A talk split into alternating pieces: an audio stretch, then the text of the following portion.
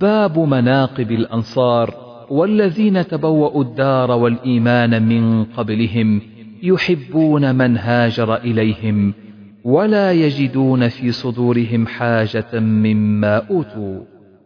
حدثنا موسى بن إسماعيل حدثنا مهدي بن ميمون حدثنا غيلان بن جرير قال قلت لأنس أرأيت اسم الأنصار؟ كنتم تسمون به أم سماكم الله؟ قال بل سمانا الله. كنا ندخل على أنس فيحدثنا مناقب الأنصار ومشاهدهم ويقبل علي أو على رجل من الأزد فيقول فعل قومك يوم كذا وكذا كذا وكذا. حدثني عبيد بن إسماعيل حدثنا أبو أسامة عن هشام عن أبيه عن عائشة رضي الله عنها قالت كان يوم بعاث يوما قدمه الله لرسوله صلى الله عليه وسلم فقدم رسول الله صلى الله عليه وسلم وقد افترق ملأهم وقتلت ثرواتهم وجرحوا فقدمه الله لرسوله صلى الله عليه وسلم في دخولهم في الإسلام. حدثنا أبو الوليد حدثنا شعبة عن أبي التياح قال سمعت أنس رضي الله عنه يقول قالت الأنصار يوم فتح مكة وأعطى قريشا والله إن هذا لهو العجب. إن سيوفنا تقطر من دماء قريش وغنائمنا ترد عليهم فبلغ ذلك النبي صلى الله عليه وسلم. فدعا الأنصار قال فقال ما الذي بلغني عنكم؟ وكانوا لا يكذبون. فقالوا هو الذي بلغك. قال أولا ترضون أن يرجع الناس بالغنائم إلى بيوتهم وترجعون برسول الله صلى الله عليه وسلم إلى بيوتكم؟ لو سلكت الأنصار واديا أو شعبا لسلكت وادي الأنصار أو شعبهم. باب قول النبي صلى الله عليه وسلم لولا الهجرة لكنت من الأنصار. قاله عبد الله بن زيد عن النبي صلى الله عليه وسلم. حدثني محمد بن بشار حدثنا غندر حدثنا شعبة عن محمد بن زياد عن أبي هريرة رضي الله عنه عن النبي صلى الله عليه وسلم أو قال أبو القاسم صلى الله عليه وسلم لو أن الأنصار سلكوا واديا أو شعبا لسلكت في وادي الأنصار. ولولا الهجرة لكنت امرأ من الأنصار. فقال أبو هريرة ما ظلم بأبي وأمي آووه ونصروه أو كلمة أخرى. باب إخاء النبي صلى الله عليه وسلم بين المهاجرين والأنصار. حدثنا إسماعيل بن عبد الله قال حدثني إبراهيم بن سعد عن أبيه عن جده قال لما قدموا المدينة آخى رسول الله صلى الله عليه وسلم بين عبد الرحمن وسعد بن الربيع. قال لعبد الرحمن إني أكثر الأنصار مالا فأقسم مالي نصفين ولامرأتان فانظر أعجبهما إليك فسمها لي أطلقها فإذا انقضت عدتها فتزوجها. قال بارك الله لك في أهلك ومالك أين سوقكم؟ فدلوه على سوق بني قينقاع فما انقلب إلا ومعه فضل من أقط وسمن ثم تابع الغدو ثم جاء يوما وبه أثر صفرة فقال النبي صلى الله عليه وسلم مهيم قال تزوجت؟ قال كم سقط إليها؟ قال نواة من ذهب أو وزن نواة من ذهب شك إبراهيم. حدثنا قتيبة حدثنا إسماعيل بن جعفر عن حميد عن أنس رضي الله عنه أنه قال قدم علينا عبد الرحمن بن عوف وآخى رسول الله صلى الله عليه وسلم بينه وبين سعد بن الربيع وكان كثير المال فقال سعد قد علمت الأنصار أني من أكثرها مالا سأقسم مالي بيني وبينك شطرين ولامرأتان فانظر أعجبهما إليك فأطلقها حتى إذا حلت تزوجتها. فقال عبد الرحمن بارك الله لك في أهلك فلم يرجع يومئذ حتى أفضل شيئا من سمن وأقط فلم يلبث إلا يسيرا حتى جاء رسول الله صلى الله عليه وسلم وعليه وضر من صفرة. فقال له رسول الله صلى الله عليه وسلم مهيم. قال تزوجت امرأة من الأنصار. فقال ما سقت فيها؟ قال وزن نواة من ذهب أو نواة من ذهب. فقال أولم ولو بشاه. حدثنا الصلت بن محمد أبو همام. قال سمعت المغيرة بن عبد الرحمن. حدثنا أبو الزناد عن الأعرج. عن أبي هريرة رضي الله عنه قال قالت الأنصار اقسم بيننا وبينهم النخل. قال لا. قال يكفون المؤنة وتشركون في التمر. قالوا سمعنا وأطعنا. باب حب الأنصار. حدثنا حجاج بن منهال حدثنا شعبة. قال أخبرني عدي بن ثابت. قال سمعت البراء رضي الله عنه قال سمعت النبي صلى الله عليه وسلم أو قال قال النبي صلى الله عليه وسلم الأنصار لا يحبهم إلا مؤمن ولا يبغضهم إلا منافق. فمن أحبهم أحبه الله ومن أبغضهم أبغضه الله. حدثنا مسلم بن إبراهيم حدثنا شعبة عن عبد الرحمن بن عبد الله بن جبر عن أنس بن مالك رضي الله عنه عن النبي صلى الله عليه وسلم قال آية الإيمان حب الأنصار وآية النفاق بغض الأنصار. باب قول النبي صلى الله عليه وسلم للأنصار أنتم أحب الناس إلي. حدثنا أبو معمر حدثنا عبد الوارث حدثنا عبد العزيز عن أنس رضي الله عنه قال رأى النبي صلى الله عليه وسلم النساء والصبيان مقبلين. قال حسبت أنه قال من عرس. فقام النبي صلى الله عليه وسلم ممثلا. فقال اللهم أنتم من أحب الناس إلي. قالها ثلاث مرار. حدثنا يعقوب بن إبراهيم بن كثير. حدثنا بهز بن أسد. حدثنا شعبة.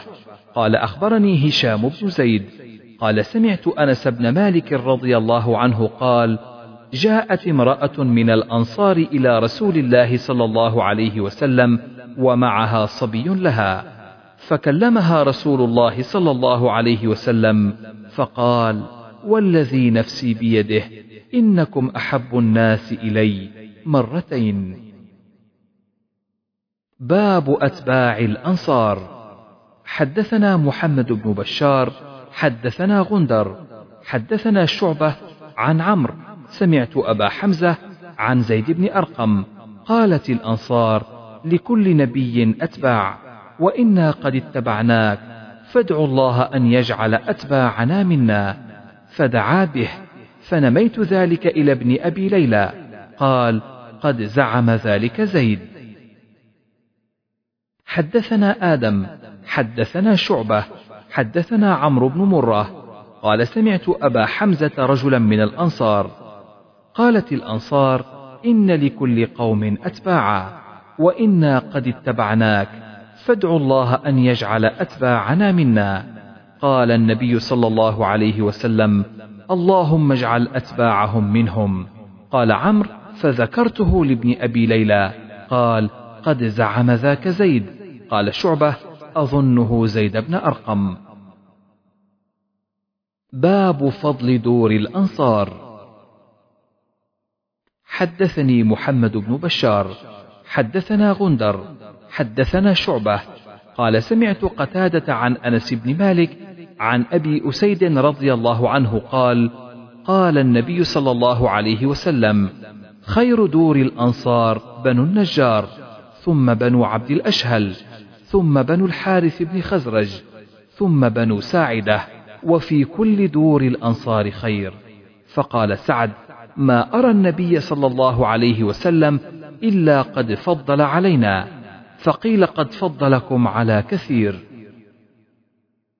وقال عبد الصمد حدثنا شعبة حدثنا قتادة سمعت أنسا. قال أبو أسيد عن النبي صلى الله عليه وسلم بهذا. وقال سعد بن عبادة. حدثنا سعد بن حفص حدثنا شيبان عن يحيى. قال أبو سلمة أخبرني أبو أسيد أنه سمع النبي صلى الله عليه وسلم يقول خير الأنصار أو قال خير دور الأنصار بنو النجار وبنو عبد الأشهل وبنو الحارث وبنو ساعدة. حدثنا خالد بن مخلد حدثنا سليمان قال حدثني عمرو بن يحيى عن عباس بن سهل عن أبي حميد عن النبي صلى الله عليه وسلم قال إن خير دور الأنصار دار بني النجار ثم عبد الأشهل ثم دار بني الحارث ثم بني ساعدة وفي كل دور الأنصار خير فلحقنا سعد بن عبادة فقال أبو أسيد ألم تر أن نبي الله صلى الله عليه وسلم خير الأنصار فجعلنا أخيرا فأدرك سعد النبي صلى الله عليه وسلم فقال يا رسول الله خير دور الأنصار فجعلنا آخرا فقال أوليس بحسبكم أن تكونوا من الخيار؟ باب قول النبي صلى الله عليه وسلم للأنصار اصبروا حتى تلقوني على الحوض. قاله عبد الله بن زيد عن النبي صلى الله عليه وسلم. حدثنا محمد بن بشار حدثنا غندر حدثنا شعبة. قال سمعت قتادة عن أنس بن مالك عن أسيد بن حضير أن رجلا من الأنصار قال يا رسول الله ألا تستعملني كما استعملت فلانا؟ قال ستلقون بعدي أثرة فاصبروا حتى تلقوني على الحوض. حدثني محمد بن بشار حدثنا غندر حدثنا شعبة عن هشام قال سمعت أنس بن مالك رضي الله عنه يقول قال النبي صلى الله عليه وسلم للأنصار إنكم ستلقون بعدي أثرة فاصبروا حتى تلقوني وموعدكم الحوض. حدثنا عبد الله بن محمد حدثنا سفيان عن يحيى بن سعيد سمع أنس بن مالك رضي الله عنه حين خرج معه إلى الوليد قال دعا النبي صلى الله عليه وسلم الأنصار إلى أن يقطع لهم البحرين فقالوا لا إلا أن تقطع لإخواننا من المهاجرين مثلها قال إما لا فاصبروا حتى تلقوني فإنه سيصيبكم بعدي أسرة. باب دعاء النبي صلى الله عليه وسلم أصلح الأنصار والمهاجرة. حدثنا آدم، حدثنا شعبة، حدثنا أبو إياس عن أنس بن مالك رضي الله عنه قال: قال رسول الله صلى الله عليه وسلم: لا عيش إلا عيش الآخرة فأصلح الأنصار والمهاجرة. وعن قتادة عن أنس عن النبي صلى الله عليه وسلم مثله وقال فاغفر للأنصار. حدثنا آدم حدثنا شعبة عن حميد الطويل. سمعت أنس بن مالك رضي الله عنه قال كانت الأنصار يوم الخندق تقول نحن الذين بايعوا محمدا على الجهاد ما حيينا أبدا. فأجابهم اللهم لا عيش إلا عيش الآخرة فأكرم الأنصار والمهاجرة. حدثني محمد بن عبيد الله حدثنا ابن أبي حازم عن أبيه عن سهل قال جاءنا رسول الله صلى الله عليه وسلم ونحن نحفر الخندق وننقل التراب على أكتادنا. فقال رسول الله صلى الله عليه وسلم اللهم لا عيش إلا عيش الآخرة فاغفر للمهاجرين والأنصار. باب ويؤثرون على أنفسهم ولو كان بهم خصاصة. حدثنا مسدد حدثنا عبد الله بن داود عن فضيل بن غزوان عن أبي حازم عن أبي هريرة رضي الله عنه أن رجلا أتى النبي صلى الله عليه وسلم فبعث إلى نسائه فقلنا ما معنا إلا الماء. فقال رسول الله صلى الله عليه وسلم من يضم أو يضيف هذا؟ فقال رجل من الأنصار أنا.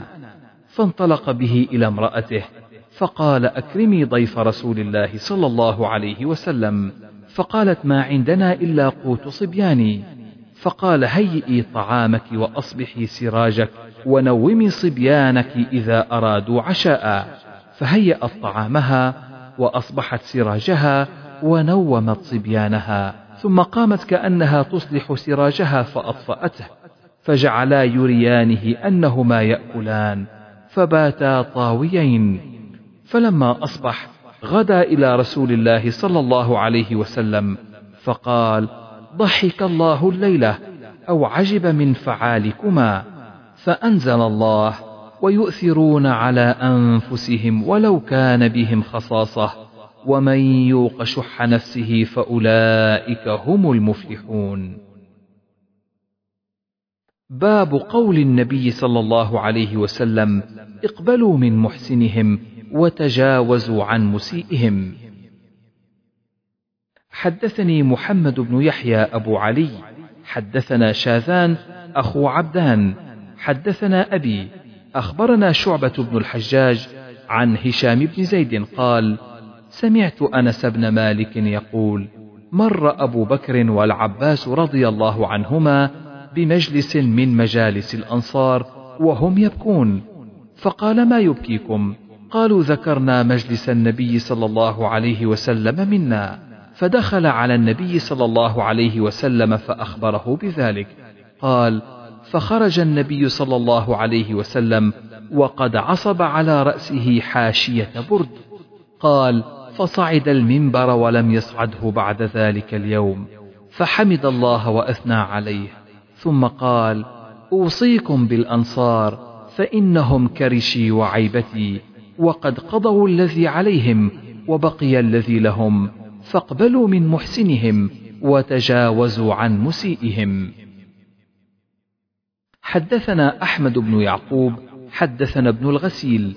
سمعت عكرمة يقول سمعت ابن عباس رضي الله عنهما يقول خرج رسول الله صلى الله عليه وسلم وعليه ملحفة متعطفا بها على منكبيه وعليه عصابة دسماء حتى جلس على المنبر فحمد الله وأثنى عليه ثم قال أما بعد أيها الناس فإن الناس يكثرون وتقل الأنصار حتى يكونوا كالملح في الطعام فمن ولي منكم أمرا يضر فيه أحدا أو ينفعه فليقبل من محسنهم ويتجاوز عن مسيئهم.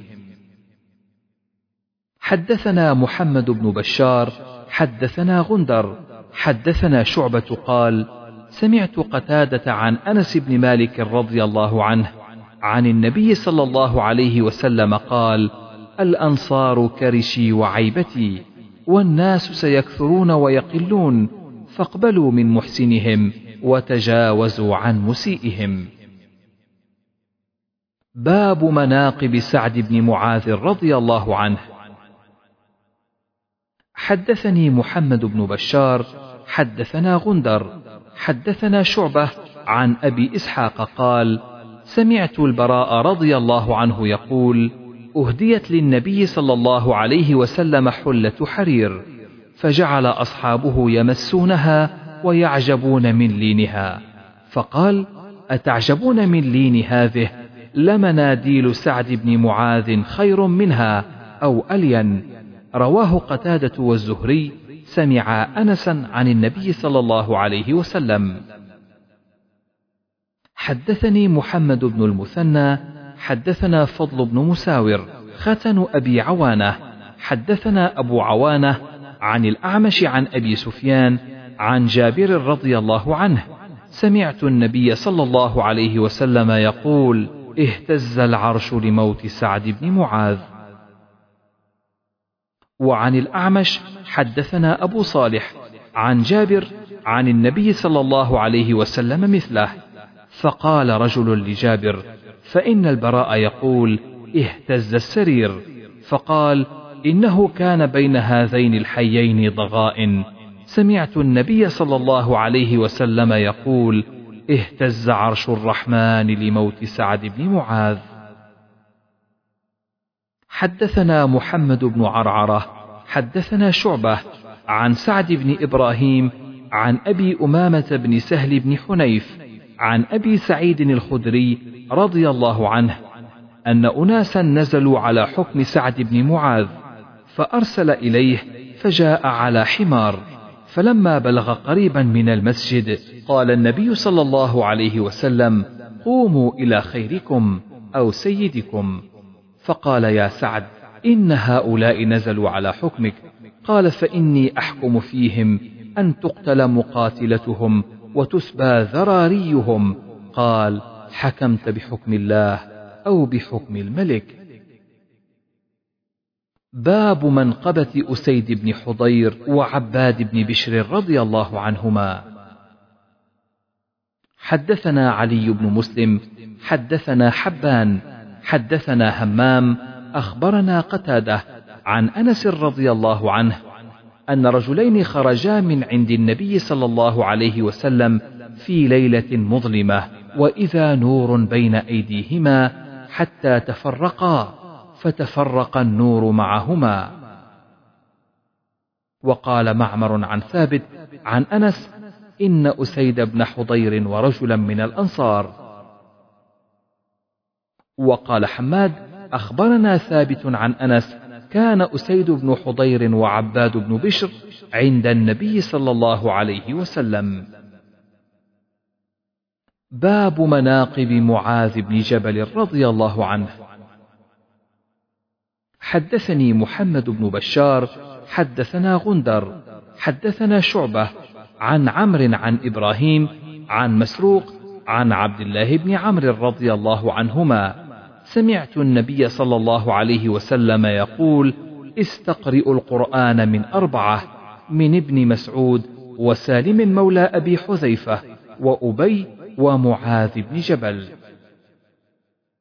منقبة سعد بن عبادة رضي الله عنه وقالت عائشة وكان قبل ذلك رجلا صالحا. حدثنا إسحاق حدثنا عبد الصمد حدثنا شعبة. حدثنا قتادة قال سمعت أنس بن مالك رضي الله عنه. قال أبو أسيد قال رسول الله صلى الله عليه وسلم خير دور الأنصار بنو النجار ثم بنو عبد الأشهل ثم بنو الحارث بن الخزرج ثم بنو ساعدة وفي كل دور الأنصار خير.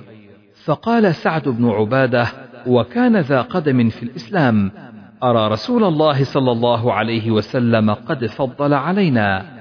فقيل له قد فضلكم على ناس كثير. باب مناقب أبي بن كعب رضي الله عنه. حدثنا أبو الوليد حدثنا شعبة عن عمرو بن مرة عن إبراهيم عن مسروق قال ذكر عبد الله بن مسعود عند عبد الله بن عمرو. فقال ذاك رجل لا أزال أحبه. سمعت النبي صلى الله عليه وسلم يقول خذوا القرآن من أربعة من عبد الله بن مسعود فبدأ به وسالم مولى أبي حذيفة ومعاذ بن جبل وأبي بن كعب. حدثني محمد بن بشار حدثنا غندر قال سمعت شعبة سمعت قتادة عن أنس بن مالك رضي الله عنه قال النبي صلى الله عليه وسلم لأبي إن الله أمرني أن أقرأ عليك لم يكن الذين كفروا. قال وسماني؟ قال نعم فبكى. باب مناقب زيد بن ثابت رضي الله عنه.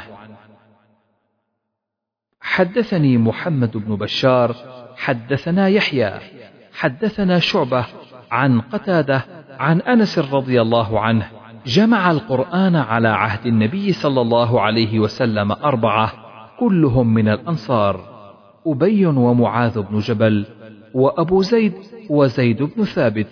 قلت لأنس من أبو زيد؟ قال أحد عمومتي. باب مناقب أبي طلحة رضي الله عنه. حدثنا أبو معمر حدثنا عبد الوارث حدثنا عبد العزيز عن أنس رضي الله عنه قال لما كان يوم أحد انهزم الناس عن النبي صلى الله عليه وسلم وأبو طلحة بين يدي النبي صلى الله عليه وسلم مجوب به عليه بحجفة الله. وكان أبو طلحة رجلا راميا شديد القد. يكسر يومئذ قوسين أو ثلاثا وكان الرجل يمر معه الجعبة من النبل فيقول انشرها لأبي طلحة. فأشرف النبي صلى الله عليه وسلم ينظر إلى القوم فيقول أبو طلحة يا نبي الله بأبي أنت وأمي لا تشرف يصيبك سهم من سهام القوم نحري دون نحرك.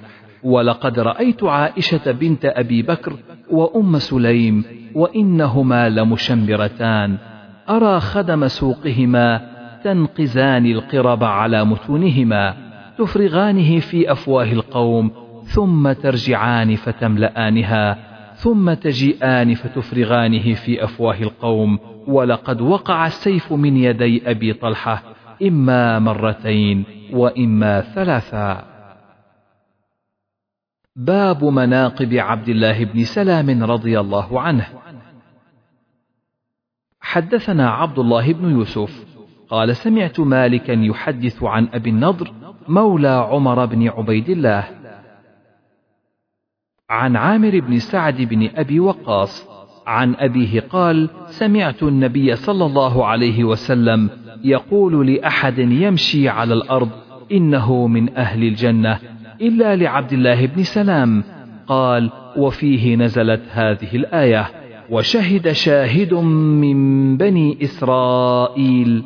الآية قال لا أدري. قال مالك الآية أو في الحديث. حدثني عبد الله بن محمد حدثنا أزهر السمان عن ابن عون عن محمد عن قيس بن عباد. قال كنت جالسا في مسجد المدينة فدخل رجل على وجهه أثر الخشوع. فقالوا هذا رجل من أهل الجنة. فصلى ركعتين تجوز فيهما ثم خرج وتبعته. فقلت إنك حين دخلت المسجد قالوا هذا رجل من أهل الجنة. قال والله ما ينبغي لأحد أن يقول ما لا يعلم وسأحدثك لم ذاك رأيت رؤيا على عهد النبي صلى الله عليه وسلم فقصصتها عليه ورأيت كأني في روضة ذكر من سعتها وخضرتها. وسطها عمود من حديد أسفله في الأرض وأعلاه في السماء في أعلاه عروة. فقيل له ارقه. قلت لا أستطيع. فأتاني منصف فرفع ثيابي من خلفي فرقيت حتى كنت في أعلاها. فأخذت بالعروة فقيل له استمسك فاستيقظت وإنها لفي يدي فقصصتها على النبي صلى الله عليه وسلم. قال تلك الروضة الإسلام وذلك العمود عمود الإسلام وتلك العروة عروة الوثقى فأنت على الإسلام حتى تموت وذاك الرجل عبد الله بن سلام. وقال لي خليفة حدثنا معاذ حدثنا ابن عون عن محمد. حدثنا قيس بن عباد عن ابن سلام قال وصيف مكان منصف حدثنا سليمان بن حرب حدثنا شعبة عن سعيد بن أبي بردة عن أبيه أتيت المدينة فلقيت عبد الله بن سلام رضي الله عنه فقال ألا تجيء فأطعمك سويقا وتمرا وتدخل في بيت؟ ثم قال إنك بأرض الربا بها فاش. إذا كان لك على رجل حق فأهدى إليك حمل تبن أو حمل شعير أو حمل قط فلا تأخذه فإنه ربا. ولم يذكر النضر وأبو داود ووهب عن شعبة البيت. باب تزويج النبي صلى الله عليه وسلم خديجة وفضلها رضي الله عنها. حدثني محمد أخبرنا عبده عن هشام بن عروة عن أبيه قال سمعت عبد الله بن جعفر قال سمعت علي رضي الله عنه يقول سمعت رسول الله صلى الله عليه وسلم يقول حدثني صدقة أخبرنا عبدة عن هشام عن أبيه قال سمعت عبد الله بن جعفر عن علي رضي الله عنهم عن النبي صلى الله عليه وسلم قال خير نسائها مريم وخير نسائها خديجة. حدثنا سعيد بن عفير حدثنا الليث قال كتب إلي هشام عن أبيه عن عائشة رضي الله عنها قالت ما غرت على امرأة للنبي صلى الله عليه وسلم ما غرت على خديجة. هلكت قبل أن يتزوجني لما كنت أسمعه يذكرها. وأمره الله أن يبشرها ببيت من قصب وإن كان ليذبح الشاه فيهدي في خلائلها منها ما يسعهن. حدثنا قتيبة بن سعيد حدثنا حميد بن عبد الرحمن عن هشام بن عروة عن أبيه عن عائشة رضي الله عنها قالت ما غرت على امرأة ما غرت على خديجة من كثرة ذكر رسول الله صلى الله عليه وسلم إياها قالت وتزوجني بعدها بثلاث سنين وأمره ربه عز وجل أو جبريل عليه السلام أن يبشرها ببيت في الجنة من قصب.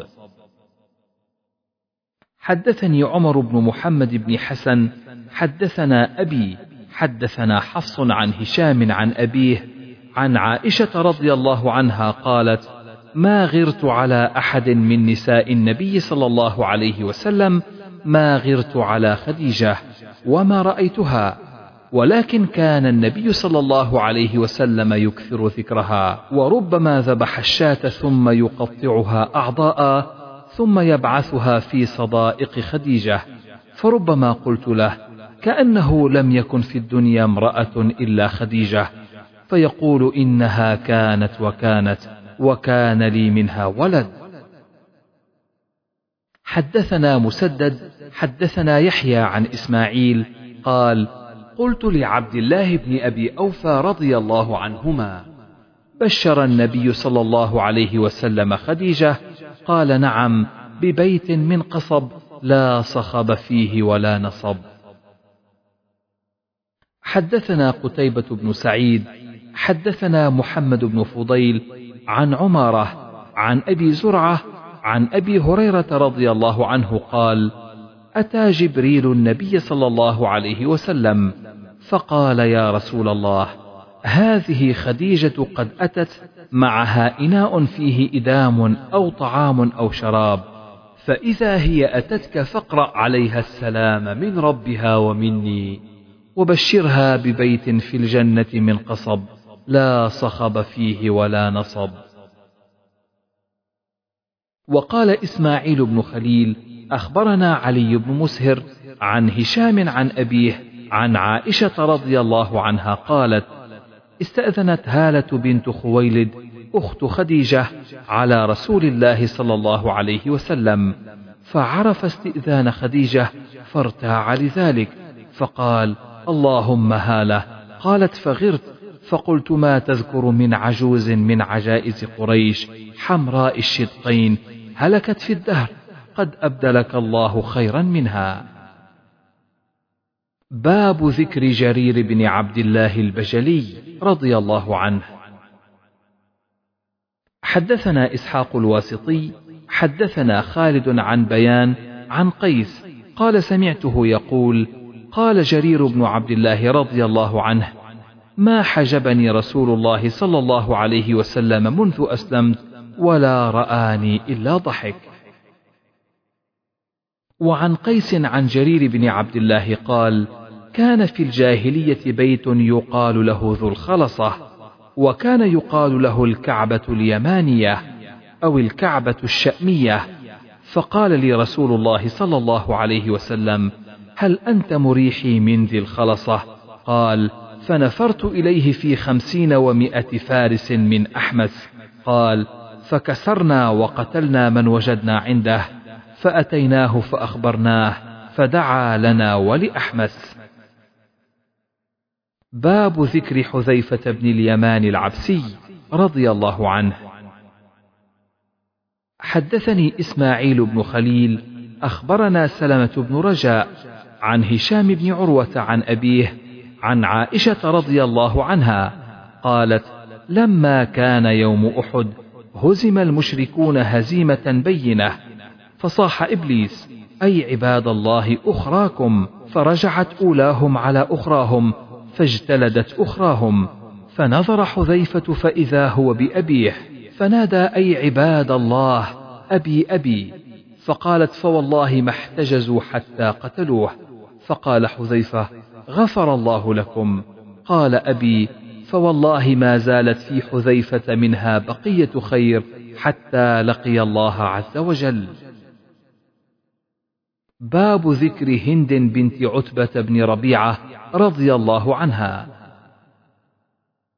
وقال عبدان أخبرنا عبد الله أخبرنا يونس عن الزهري حدثني عروة أن عائشة رضي الله عنها قالت جاءت هند بنت عتبة قالت يا رسول الله ما كان على ظهر الأرض من أهل خباء أحب إلي أن يذلوا من أهل خبائك ثم ما أصبح اليوم على ظهر الأرض أهل خباء أحب إلي أن يعزوا من أهل خبائك قالت وأيضا والذي نفسي بيده قالت يا رسول الله إن أبا سفيان رجل مسيك فهل علي حرج أن أطعم من الذي له عيالنا؟ قال لا أراه إلا بالمعروف. باب حديث زيد بن عمرو بن نفيل.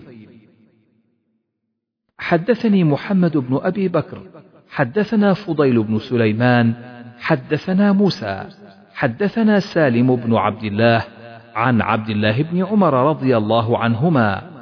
أن النبي صلى الله عليه وسلم لقي زيد بن عمرو بن نفيل بأسفل بلدح قبل أن ينزل على النبي صلى الله عليه وسلم الوحي فقدمت إلى النبي صلى الله عليه وسلم سفرة فأبى أن يأكل منها ثم قال زيد إني لست آكل مما تذبحون على أنصابكم ولا آكل إلا ما ذكر اسم الله عليه وأن زيد بن عمرو وكان يعيب على قريش ذبائحهم ويقول الشاة خلقها الله وأنزل لها من السماء الماء وأنبت لها من الأرض ثم تذبحونها على غير اسم الله إنكارا لذلك وإعظاما له.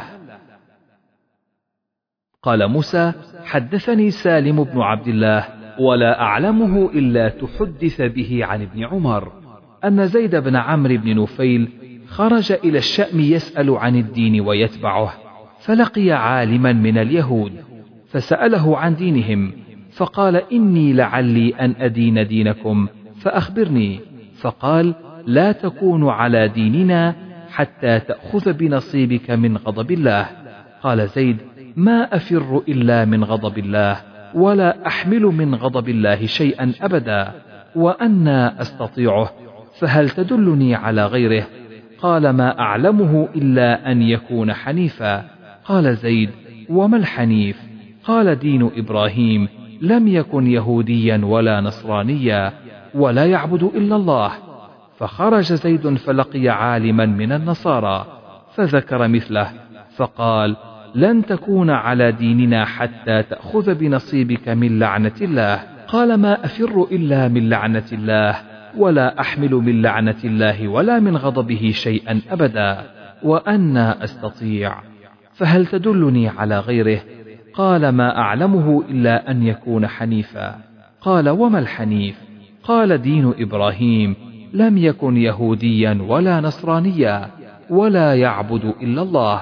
فلما رأى زيد قولهم في إبراهيم عليه السلام خرج. فلما برز رفع يديه فقال اللهم إني أشهد أني على دين إبراهيم. وقال الليث كتب إلي هشام عن أبيه عن أسماء بنت أبي بكر رضي الله عنهما قال رأيت زيد بن عمرو بن نفيل قائما مسندا ظهره إلى الكعبة يقول يا معاشر قريش والله ما منكم على دين إبراهيم غيري. وكان يحيي الموؤودة يقول للرجل إذا أراد أن يقتل ابنته. لا تقتلها أنا أكفيكها مؤنتها فيأخذها.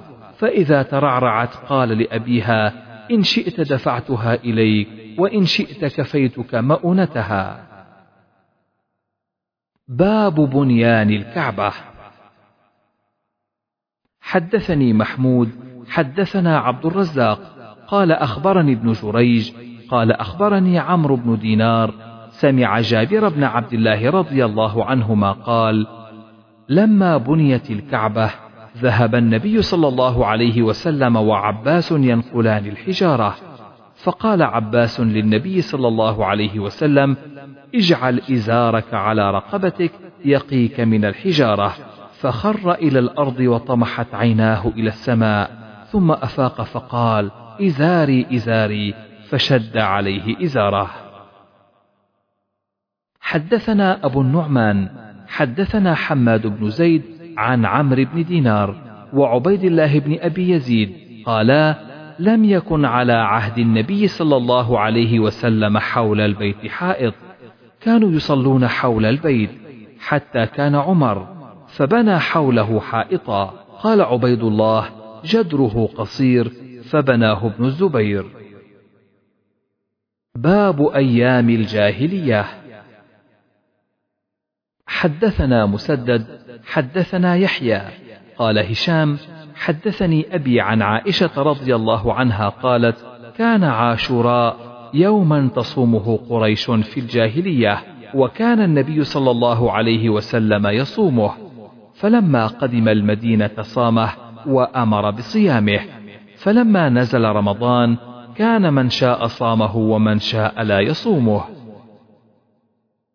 حدثنا مسلم حدثنا وهيب حدثنا ابن طاووس عن أبيه عن ابن عباس رضي الله عنهما قال كانوا يرون أن العمرة في أشهر الحج من الفجور في الأرض وكانوا يسمون المحرم صفرا ويقولون إذا برى الدبر وعفى الأثر حلت العمرة لمن اعتمر. قال فقدم رسول الله صلى الله عليه وسلم وأصحابه رابعة مهلين بالحج وأمرهم النبي صلى الله عليه وسلم أن يجعلوها عمرة. قالوا يا رسول الله أي الحل؟ قال الحل كله. حدثنا علي بن عبد الله حدثنا سفيان قال كان عمرو يقول حدثنا سعيد بن المسيب عن أبيه عن جده قال جاء سيل في الجاهلية فكسى ما بين الجبلين. قال سفيان ويقول إن هذا لحديث له شأن.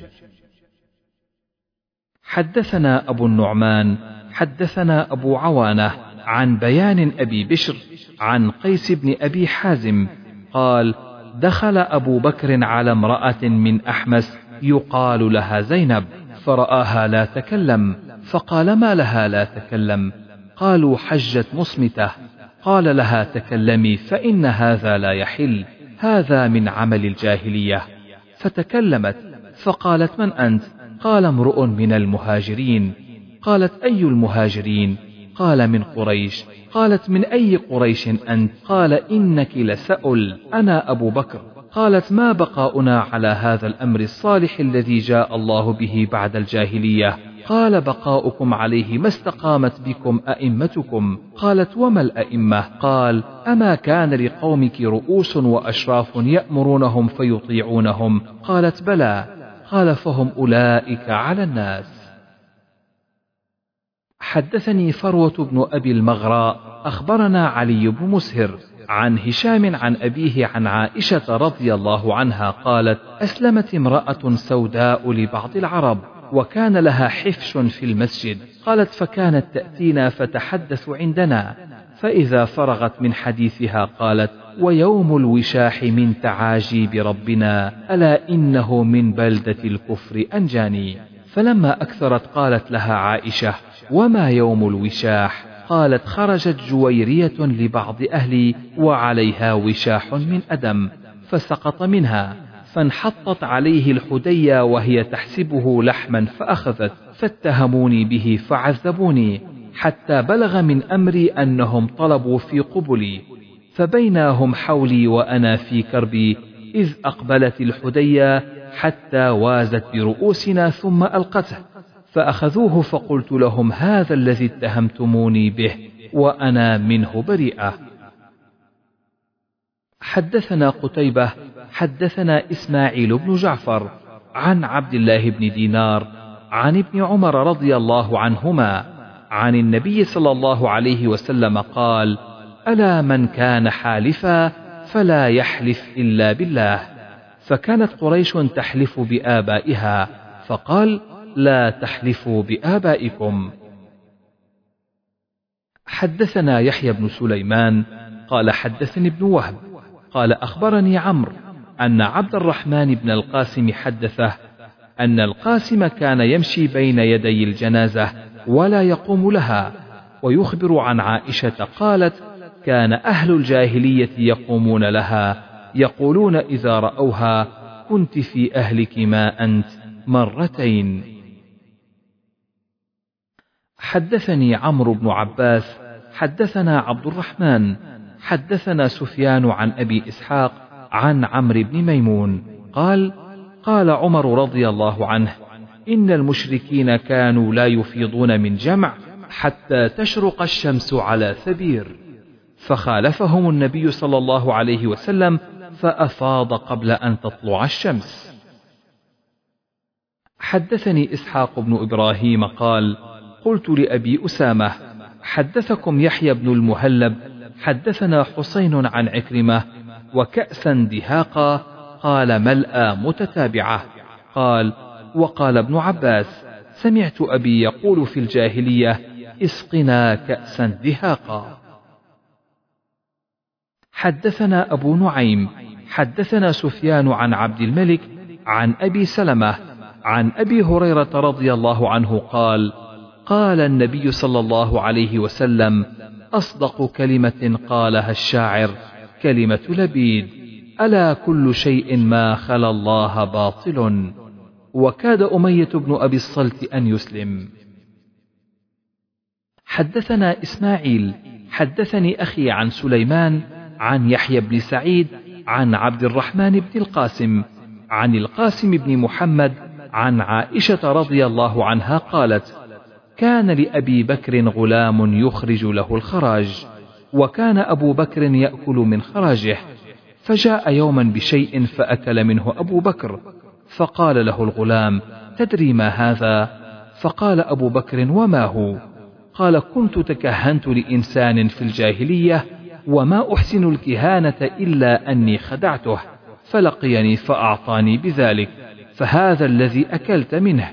فأدخل أبو بكر يده فقاء كل شيء في بطنه. حدثنا مسدد حدثنا يحيى عن عبيد الله أخبرني نافع عن ابن عمر رضي الله عنهما قال كان أهل الجاهلية يتبايعون لحوم الجزور إلى حبل الحبلة.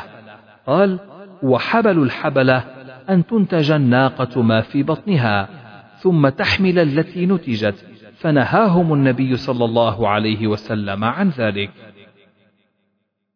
حدثنا أبو النعمان حدثنا مهدي قال غيلان بن جرير كنا نأتي أنس بن مالك فيحدثنا عن الأنصار وكان يقول لي فعل قومك كذا وكذا يوم كذا وكذا وفعل قومك كذا وكذا يوم كذا وكذا. القسامة في الجاهلية. حدثنا أبو معمر حدثنا عبد الوارث حدثنا قطن أبو الهيثم حدثنا أبو يزيد المدني عن عكرمة عن ابن عباس رضي الله عنهما قال إن أول قسامة كانت في الجاهلية لفينا بني هاشم. كان رجل من بني هاشم استأجره رجل من قريش من فخذ أخرى فانطلق معه في إبله. فمر رجل به من بني هاشم قد انقطعت عروة جوالقه. فقال أغثني بعقال أشد به عروة جوالقي لا تنفر الإبل. فأعطاه عقالا فشد به عروة جوالقه. فلما نزلوا عقلت الإبل إلا بعيرا واحدا. فقال الذي استأجره ما شأن هذا البعير لم يعقل من بين الإبل؟ قال ليس له عقال. قال فأين عقاله؟ قال فحذفه بعصا كان فيها أجله. فمر به رجل من أهل اليمن فقال أتشهد الموسم؟ قال ما أشهد وربما شهدته. قال هل أنت مبلغ عني رسالة مرة من الدهر؟ قال نعم. قال فكنت إذا أنت شهدت الموسم فنادي يا آل قريش فإذا أجابوك فنادي يا آل بني هاشم فإن أجابوك فسل عن أبي طالب فأخبره أن فلانا قتلني في عقال ومات المستأجر. فلما قدم الذي استأجره أتاه أبو طالب فقال ما فعل صاحبنا؟ قال مرض فأحسنت القيام عليه فوليت دفنه. قال قد كان أهل ذاك منك فمكث حينا ثم إن الرجل الذي أوصى إليه أن يبلغ عنه وافى الموسم. فقال يا آل قريش. قالوا هذه قريش. قال يا آل بني هاشم قالوا هذه بنو هاشم. قال أين أبو طالب؟ قالوا هذا أبو طالب. قال أمرني فلان أن أبلغك رسالة أن فلانا قتله في عقال. فأتاه أبو طالب فقال له اختر منا إحدى ثلاث. إن شئت أن تؤدي مئة من الإبل فإنك قتلت صاحبنا.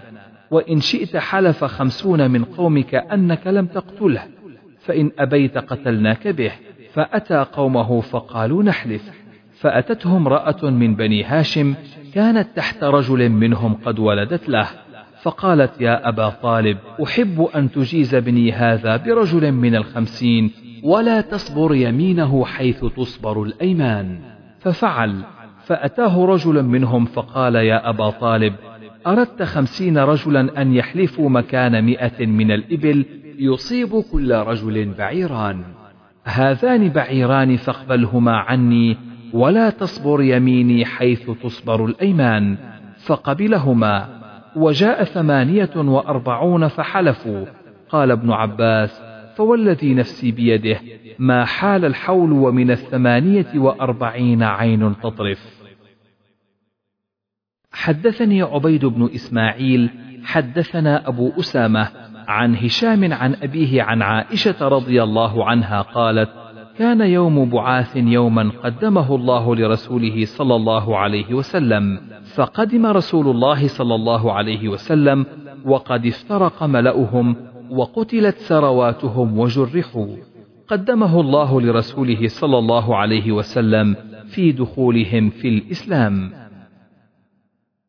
وقال ابن وهب أخبرنا عمرو عن بكير بن الأشج أن كريبا مولى بن عباس حدثه أن ابن عباس رضي الله عنهما قال ليس السعي ببطن الوادي بين الصفا والمروة سنة إنما كان أهل الجاهلية يسعونها ويقولون لا نجيز البطحاء إلا شدا. حدثنا عبد الله بن محمد الجعفي حدثنا سفيان أخبرنا مطرف سمعت أبا السفر يقول سمعت ابن عباس رضي الله عنهما يقول يا أيها الناس اسمعوا مني ما أقول لكم وأسمعوني ما تقولون ولا تذهبوا فتقولوا قال ابن عباس قال ابن عباس من طاف بالبيت فليطف من وراء الحجر ولا تقولوا الحطيم فإن الرجل في الجاهلية كان يحلف فيلقي صوته أو نعله أو قوسه. حدثنا نعيم بن حماد حدثنا هشيم عن حسين عن عمرو بن ميمون قال رأيت في الجاهلية قردة اجتمع عليها قردة قد زنت فرجموها فرجمتها معهم. حدثنا علي بن عبد الله حدثنا سفيان عن عبيد الله سمع ابن عباس رضي الله عنهما قال خلال من خلال الجاهلية. الطعن في الأنساب والنياحة ونسي الثالثة. قال سفيان ويقولون إنها الاستسقاء بالأنواء. باب مبعث النبي صلى الله عليه وسلم محمد بن عبد الله بن عبد المطلب ابن هاشم بن عبد مناف ابن قصي بن كلاب بن مرة ابن كعب بن لؤي بن غالب بن فهر ابن مالك بن النضر بن كنانة ابن خزيمة بن مدركة بن إلياس بن مضر ابن نزار بن معد بن عدنان. حدثنا أحمد بن أبي رجاء حدثنا النضر عن هشام عن عكرمة عن ابن عباس رضي الله عنهما قال أنزل على رسول الله صلى الله عليه وسلم وهو ابن أربعين فمكث ثلاث عشرة سنة ثم أمر بالهجرة فهاجر إلى المدينة فمكث بها عشر سنين ثم توفي صلى الله عليه وسلم. باب ما لقي النبي صلى الله عليه وسلم وأصحابه من المشركين بمكة. حدثنا الحميدي حدثنا سفيان حدثنا بيان وإسماعيل قالا سمعنا قيسا يقول سمعت خبابا يقول أتيت النبي صلى الله عليه وسلم وهو متوسد بردة وهو في ظل الكعبة وقد لقينا من المشركين شدة فقلت ألا تدعو الله؟ فقعد وهو محمر وجهه فقال لقد كان من قبلكم ليمشط بمشاط الحديد ما دون عظامه من لحم أو عصب ما يصرفه ذلك عن دينه ويوضع المنشار على مفرق رأسه فيشق باثنين ما يصرفه ذلك عن دينه وليتمن الله هذا الأمر حتى يسير الراكب من صنعاء إلى حضرموت ما يخاف إلا الله. زاد بيان والذئب على غنمه. حدثنا سليمان بن حرب حدثنا شعبة عن أبي إسحاق عن الأسود عن عبد الله رضي الله عنه قال قرأ النبي صلى الله عليه وسلم النجم فسجد. فما بقي أحد إلا سجد إلا رجل رأيته أخذ كفا من حصى فرفعه فسجد عليه وقال هذا يكفيني. فلقد رأيته بعد قتل كافرا بالله. حدثني محمد بن بشار حدثنا غندر حدثنا شعبة عن أبي إسحاق عن عمرو بن ميمون. عن عبد الله رضي الله عنه قال بين النبي صلى الله عليه وسلم ساجد وحوله ناس من قريش. جاء عقبة بن أبي معيط بسلا جزور فقذفه على ظهر النبي صلى الله عليه وسلم فلم يرفع رأسه. فجاءت فاطمة عليها السلام فأخذته من ظهره ودعت على من صنع.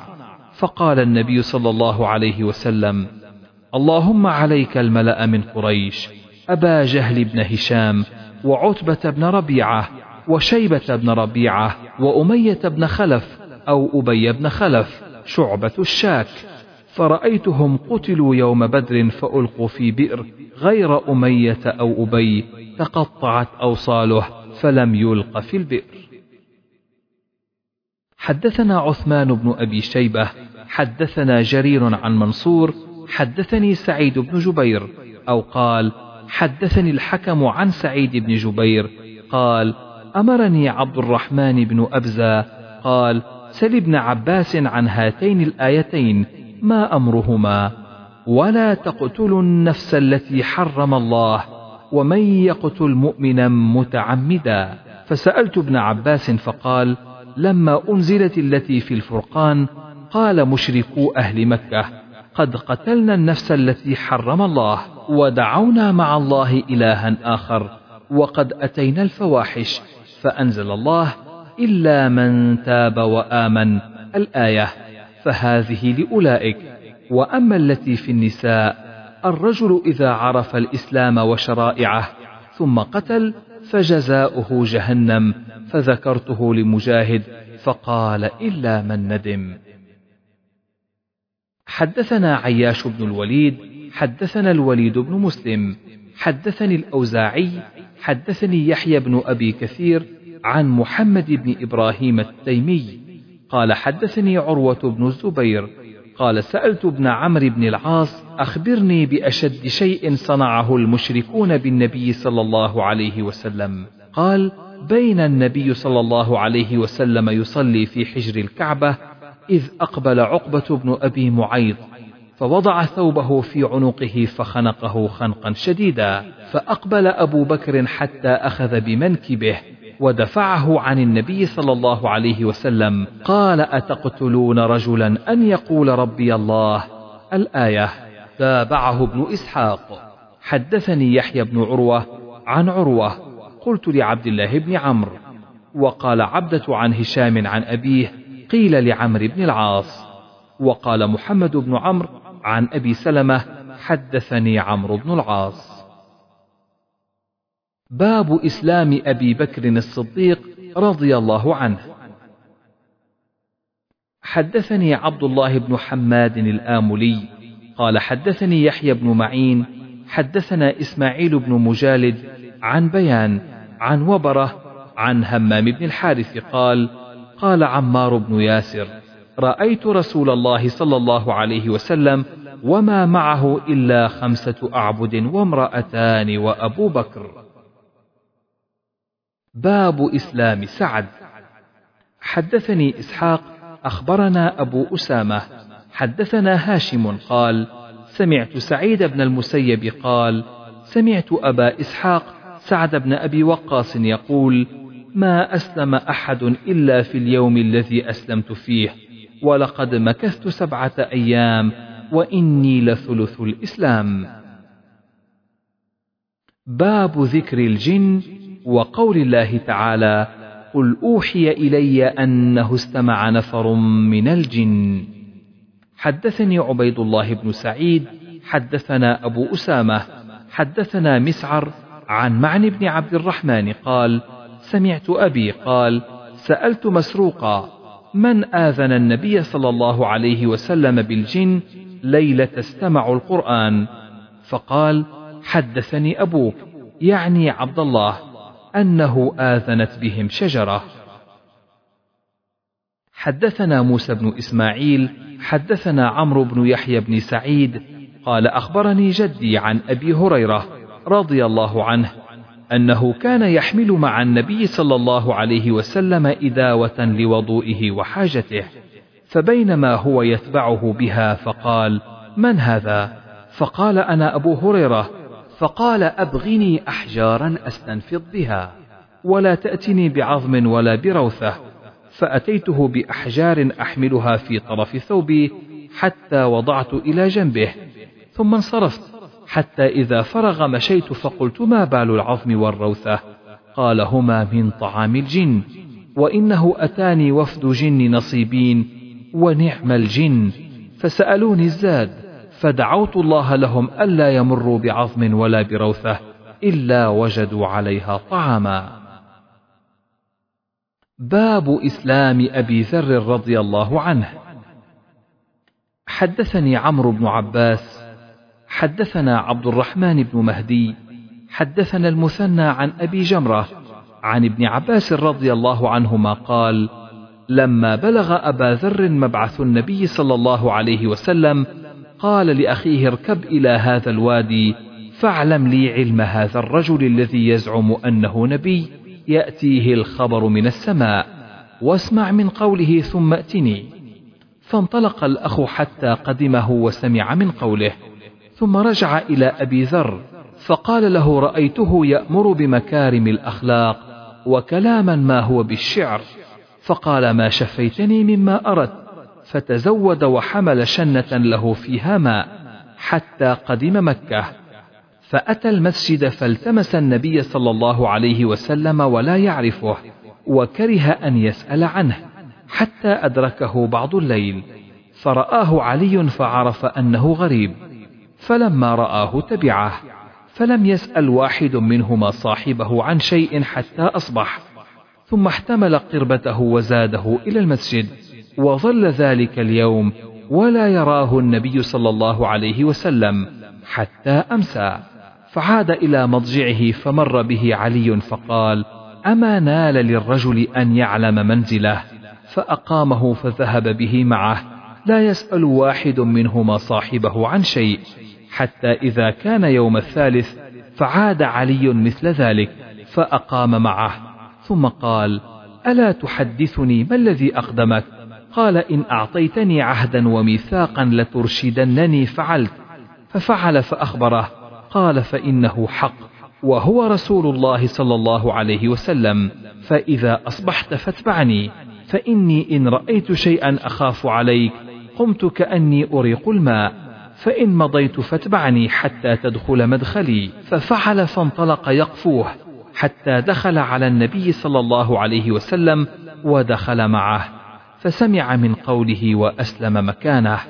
فقال له النبي صلى الله عليه وسلم ارجع إلى قومك فأخبرهم حتى يأتيك أمري. قال والذي نفسي بيده لأصرخن بها بين ظهرانيهم. فخرج حتى أتى المسجد فنادى بأعلى صوته أشهد أن لا إله إلا الله وأن محمدا رسول الله. ثم قام القوم فضربوه حتى أضجعوه وأتى العباس فأكب عليه قال ويلكم ألستم تعلمون أنه من غفار وأن طريق تجاركم إلى الشأم فأنقذه منهم ثم عاد من الغد لمثلها فضربوه وثاروا إليه. فأكب العباس عليه. باب إسلام سعيد بن زيد رضي الله عنه. حدثنا قتيبة بن سعيد حدثنا سفيان عن إسماعيل عن قيس قال سمعت سعيد بن زيد بن عمرو بن نفيل في مسجد الكوفة يقول والله لقد رأيتني وإن عمر لموثقي على الإسلام قبل أن يسلم عمر. ولو أن أحدا ارفض للذي صنعتم بعثمان لكان. باب إسلام عمر بن الخطاب رضي الله عنه. حدثني محمد بن كثير أخبرنا سفيان عن إسماعيل بن أبي خالد عن قيس بن أبي حازم عن عبد الله بن مسعود رضي الله عنه قال ما زلنا أعزة منذ أسلم عمر. حدثنا يحيى بن سليمان قال حدثني ابن وهب قال حدثني عمر بن محمد قال فأخبرني جدي زيد بن عبد الله بن عمر عن أبيه قال بينما هو في الدار خائفا إذ جاءه العاص بن وائل السهمي أبو عمرو عليه حلة حبرة وقميص مكفوف بحرير وهو من بني سهم وهم حلفاؤنا في الجاهلية فقال له ما بالك؟ قال زعم قومك أنهم سيقتلوني إن أسلمت. قال لا سبيل إليك. بعد أن قالها أمنت. فخرج العاص فلقي الناس قد سال بهم الوادي. فقال أين تريدون؟ فقالوا نريد هذا ابن الخطاب الذي صبا. قال لا سبيل إليه. فكر الناس.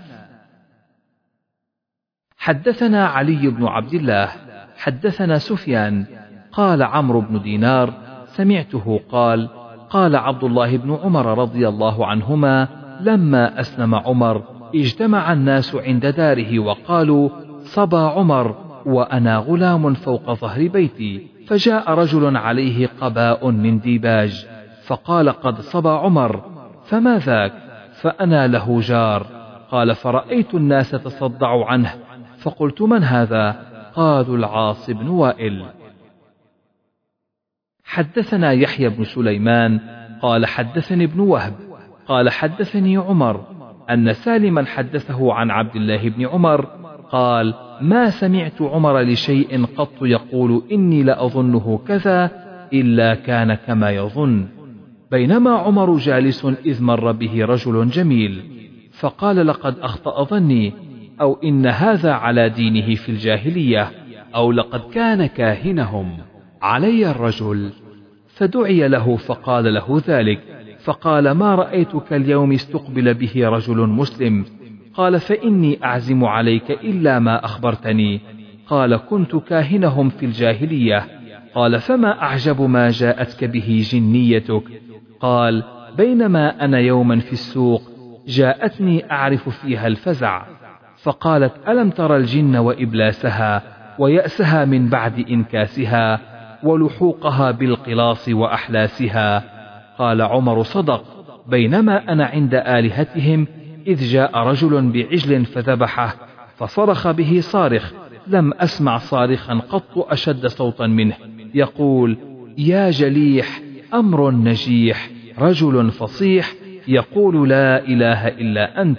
فوثب القوم قلت لا أبرح حتى أعلم ما وراء هذا. ثم نادى يا جليح أمر نجيح رجل فصيح يقول لا إله إلا الله فقمت فما نشبنا أن قيل هذا نبي. حدثني محمد بن المثنى حدثنا يحيى حدثنا إسماعيل حدثنا قيس قال سمعت سعيد بن زيد يقول للقوم لو رأيتني موثقي عمر على الإسلام أنا وأخته وما أسلم ولو أن أحدا انقض لما صنعتم بعثمان لكان محقوقا أن ينقض. باب انشقاق القمر. حدثني عبد الله بن عبد الوهاب حدثنا بشر بن المفضل حدثنا سعيد بن أبي عروبة عن قتادة عن أنس بن مالك رضي الله عنه أن أهل مكة سألوا رسول الله صلى الله عليه وسلم أن يريهم آية فأراهم القمر شقتين حتى رأوا حراء بينهما. حدثنا عبدان عن أبي حمزة عن الأعمش عن إبراهيم عن أبي معمر عن عبد الله رضي الله عنه قال انشق القمر ونحن مع النبي صلى الله عليه وسلم بمنى. فقال اشهدوا. وذهبت فرقة نحو الجبل. وقال أبو الضحى عن مسروق عن عبد الله انشق بمكة وتابعه محمد بن مسلم عن ابن أبي نجيح عن مجاهد عن أبي معمر عن عبد الله.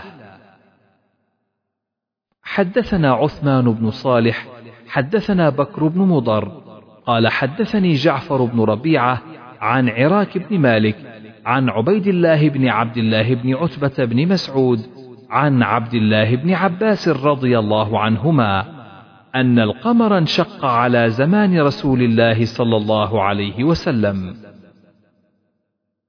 حدثنا عمر بن حفص حدثنا أبي حدثنا الأعمش حدثنا إبراهيم عن أبي معمر عن عبد الله رضي الله عنه قال انشق القمر.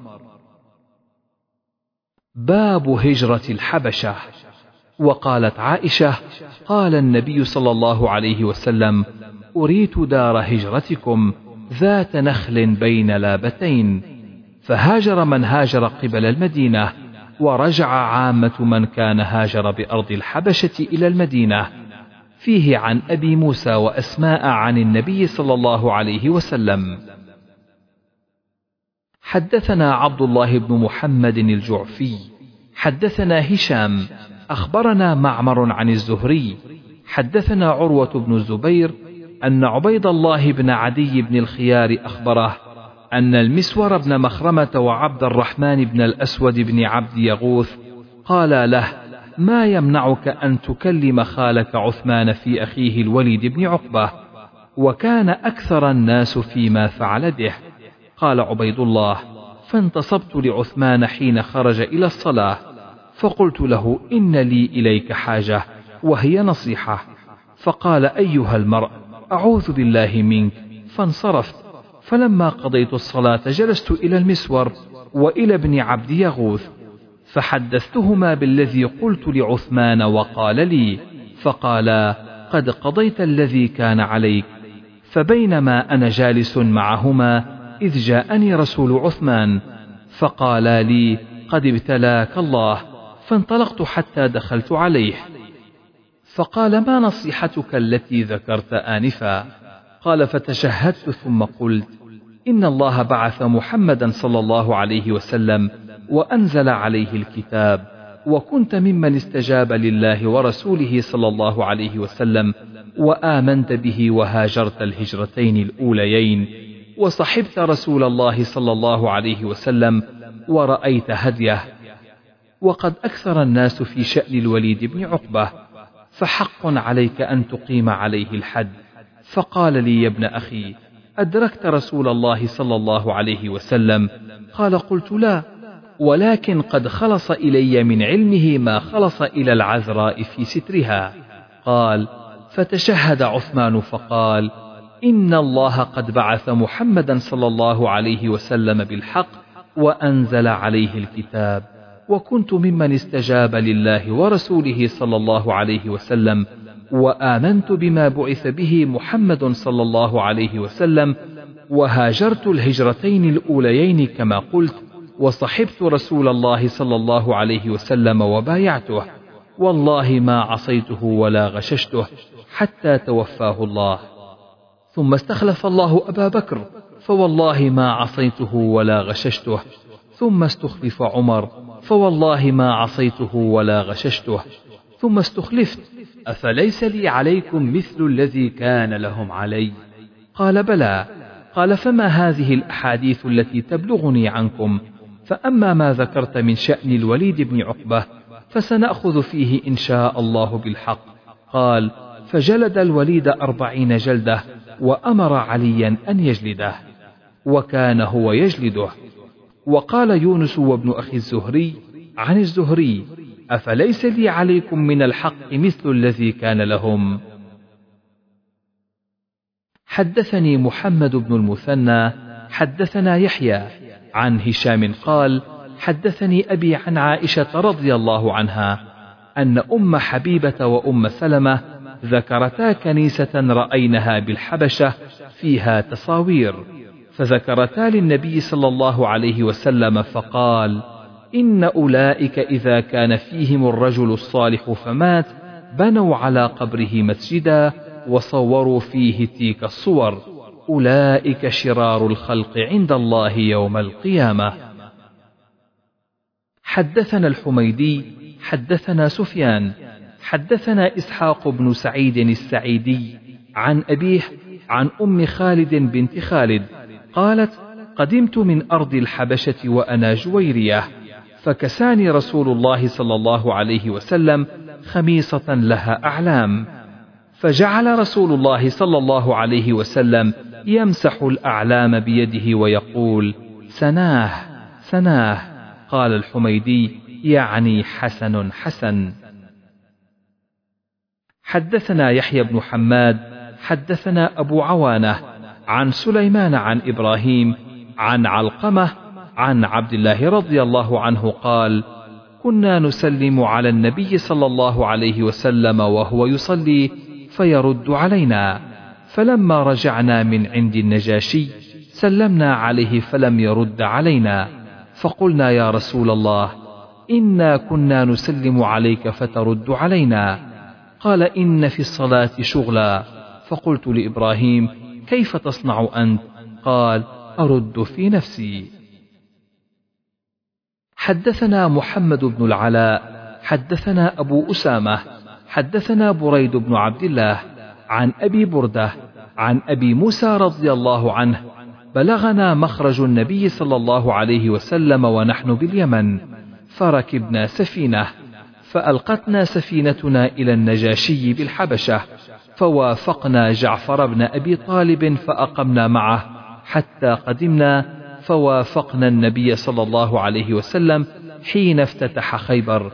فقال النبي صلى الله عليه وسلم لكم أنتم يا أهل السفينة هجرتان. باب موت النجاشي. حدثنا أبو الربيع حدثنا ابن عيينة عن ابن جريج عن عطاء عن جابر رضي الله عنه قال النبي صلى الله عليه وسلم حين مات النجاشي مات اليوم رجل صالح فقوموا فصلوا على أخيكم أصحمه. حدثنا عبد الأعلى بن حماد حدثنا يزيد بن زريع حدثنا سعيد حدثنا قتاده أن عطاء حدثهم عن جابر بن عبد الله الأنصاري رضي الله عنهما أن نبي الله صلى الله عليه وسلم صلى على النجاشي فصفنا وراءه فكنت في الصف الثاني أو الثالث. حدثني عبد الله بن أبي شيبة حدثنا يزيد عن سليم بن حيان حدثنا سعيد بن مينا عن جابر بن عبد الله رضي الله عنهما أن النبي صلى الله عليه وسلم صلى على أصحمة النجاشي فكبر عليه أربعة تابعه عبد الصمد. حدثنا زهير بن حرب حدثنا يعقوب بن إبراهيم حدثنا أبي عن صالح عن ابن شهاب قال حدثني أبو سلمة بن عبد الرحمن وابن المسيب أن أبا هريرة رضي الله عنه أخبرهما أن رسول الله صلى الله عليه وسلم نعى لهم النجاشي صاحب الحبشة في اليوم الذي مات فيه وقال استغفروا لأخيكم. وعن صالح عن ابن شهاب قال حدثني سعيد بن المسيب أن أبا هريرة رضي الله عنه أخبرهم أن رسول الله صلى الله عليه وسلم صف بهم في المصلى فصلى عليه وكبر أربعا. باب تقاسم المشركين على النبي صلى الله عليه وسلم. حدثنا عبد العزيز بن عبد الله قال حدثني إبراهيم بن سعد عن ابن شهاب عن أبي سلمة بن عبد الرحمن عن أبي هريرة رضي الله عنه قال قال رسول الله صلى الله عليه وسلم حين أراد حنينا منزلنا غدا إن شاء الله بخيف بني كنانة حيث تقاسموا على الكفر. باب قصة أبي طالب. حدثنا مسدد حدثنا يحيى عن سفيان حدثنا عبد الملك حدثنا عبد الله بن الحارث حدثنا العباس بن عبد المطلب رضي الله عنه. قال للنبي صلى الله عليه وسلم ما أغنيت عن عمك فإنه كان يحوطك ويغضب لك. قال هو في ضحضاح من نار ولولا أنا لكان في الدرك الأسفل من النار.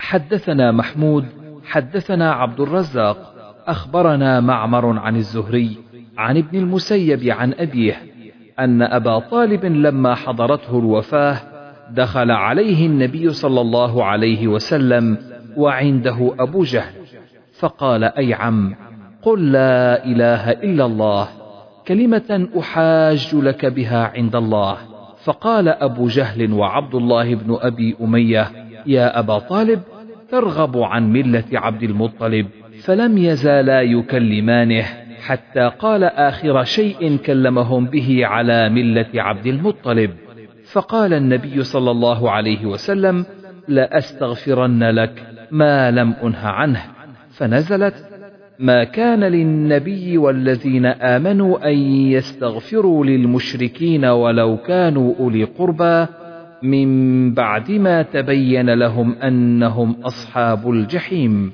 ونزلت إنك لا تهدي من أحببت. حدثنا عبد الله بن يوسف حدثنا الليث حدثنا ابن الهادي عن عبد الله بن خباب عن أبي سعيد الخدري رضي الله عنه أنه سمع النبي صلى الله عليه وسلم وذكر عنده عمه فقال لعله تنفعه شفاعتي يوم القيامة فيجعل في ضحضاح من النار يبلغ كعبيه يغلي منه دماغه. حدثنا إبراهيم بن حمزة حدثنا ابن أبي حازم والدراوردي عن يزيد بهذا وقال تغلي منه أم دماغه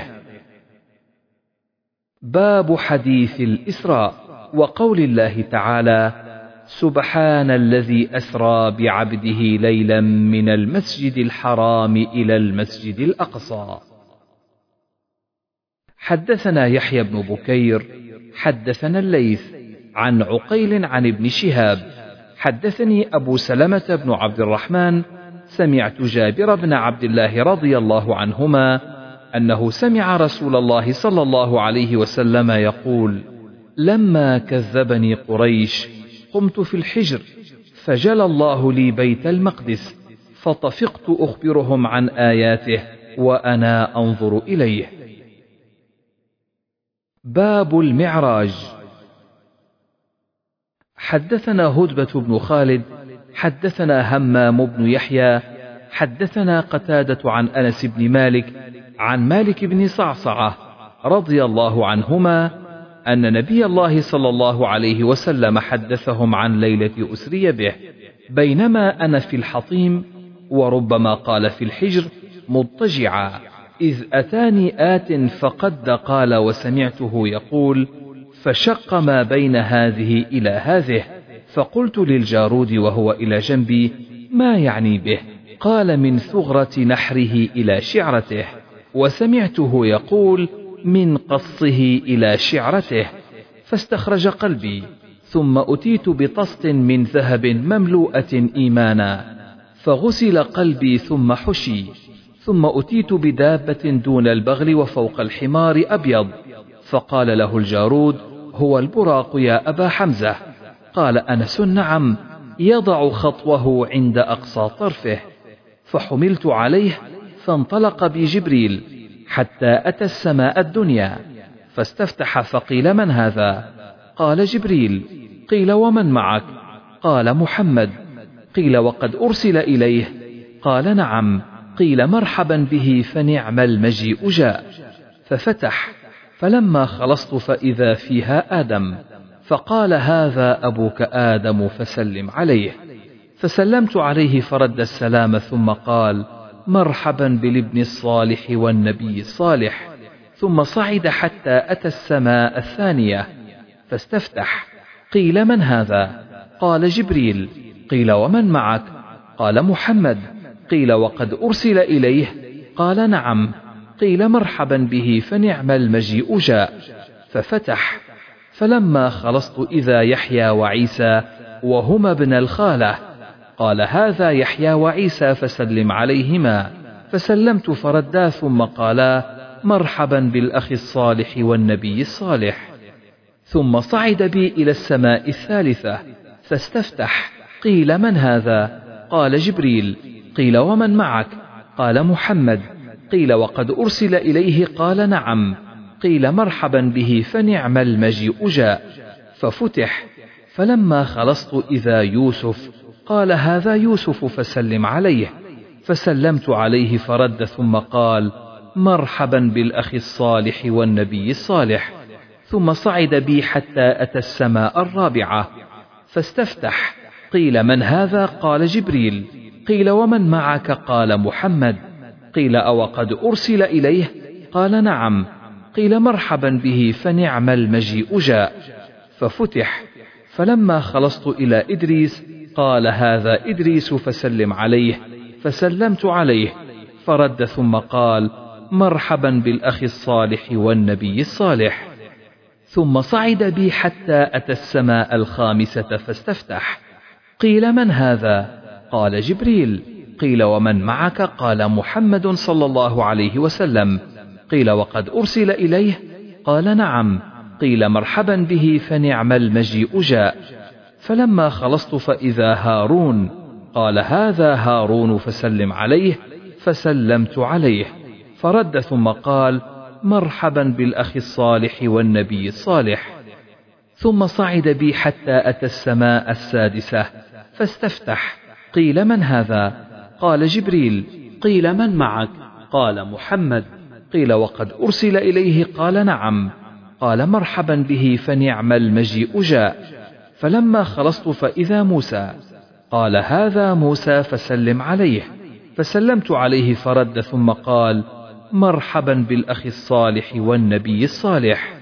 فلما تجاوزت بكى قيل له ما يبكيك؟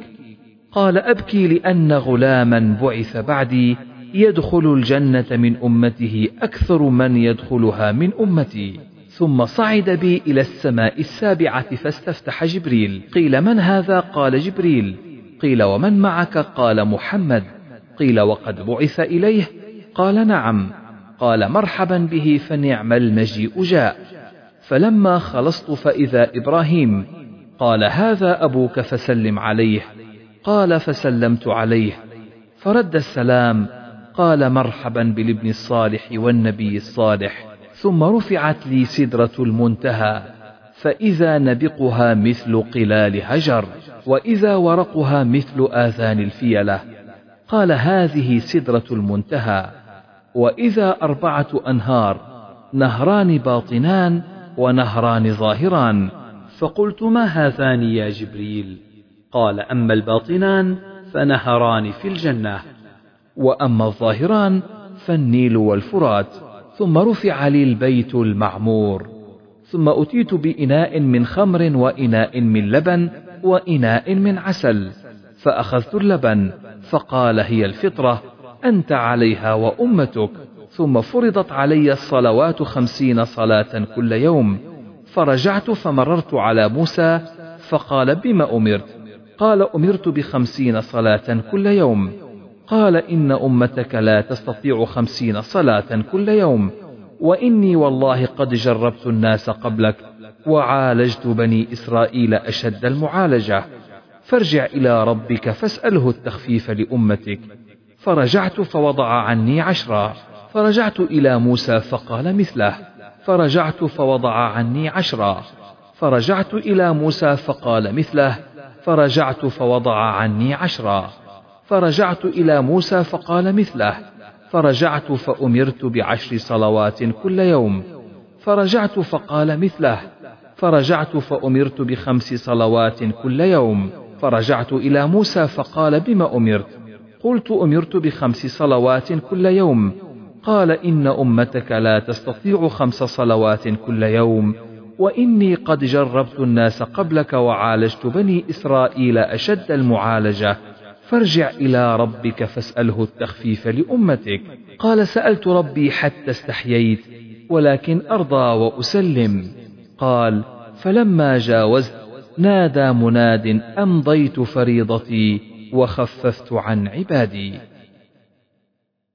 حدثنا الحميدي حدثنا سفيان حدثنا عمرو عن عكرمة عن ابن عباس رضي الله عنهما في قوله وما جعلنا الرؤيا التي أريناك إلا فتنة للناس قال هي رؤيا عين أريها رسول الله صلى الله عليه وسلم ليلة أسري به إلى بيت المقدس قال والشجرة الملعونة في القرآن قال هي شجرة الزقوم. باب وفود الأنصار إلى النبي صلى الله عليه وسلم بمكة وبيعة العقبة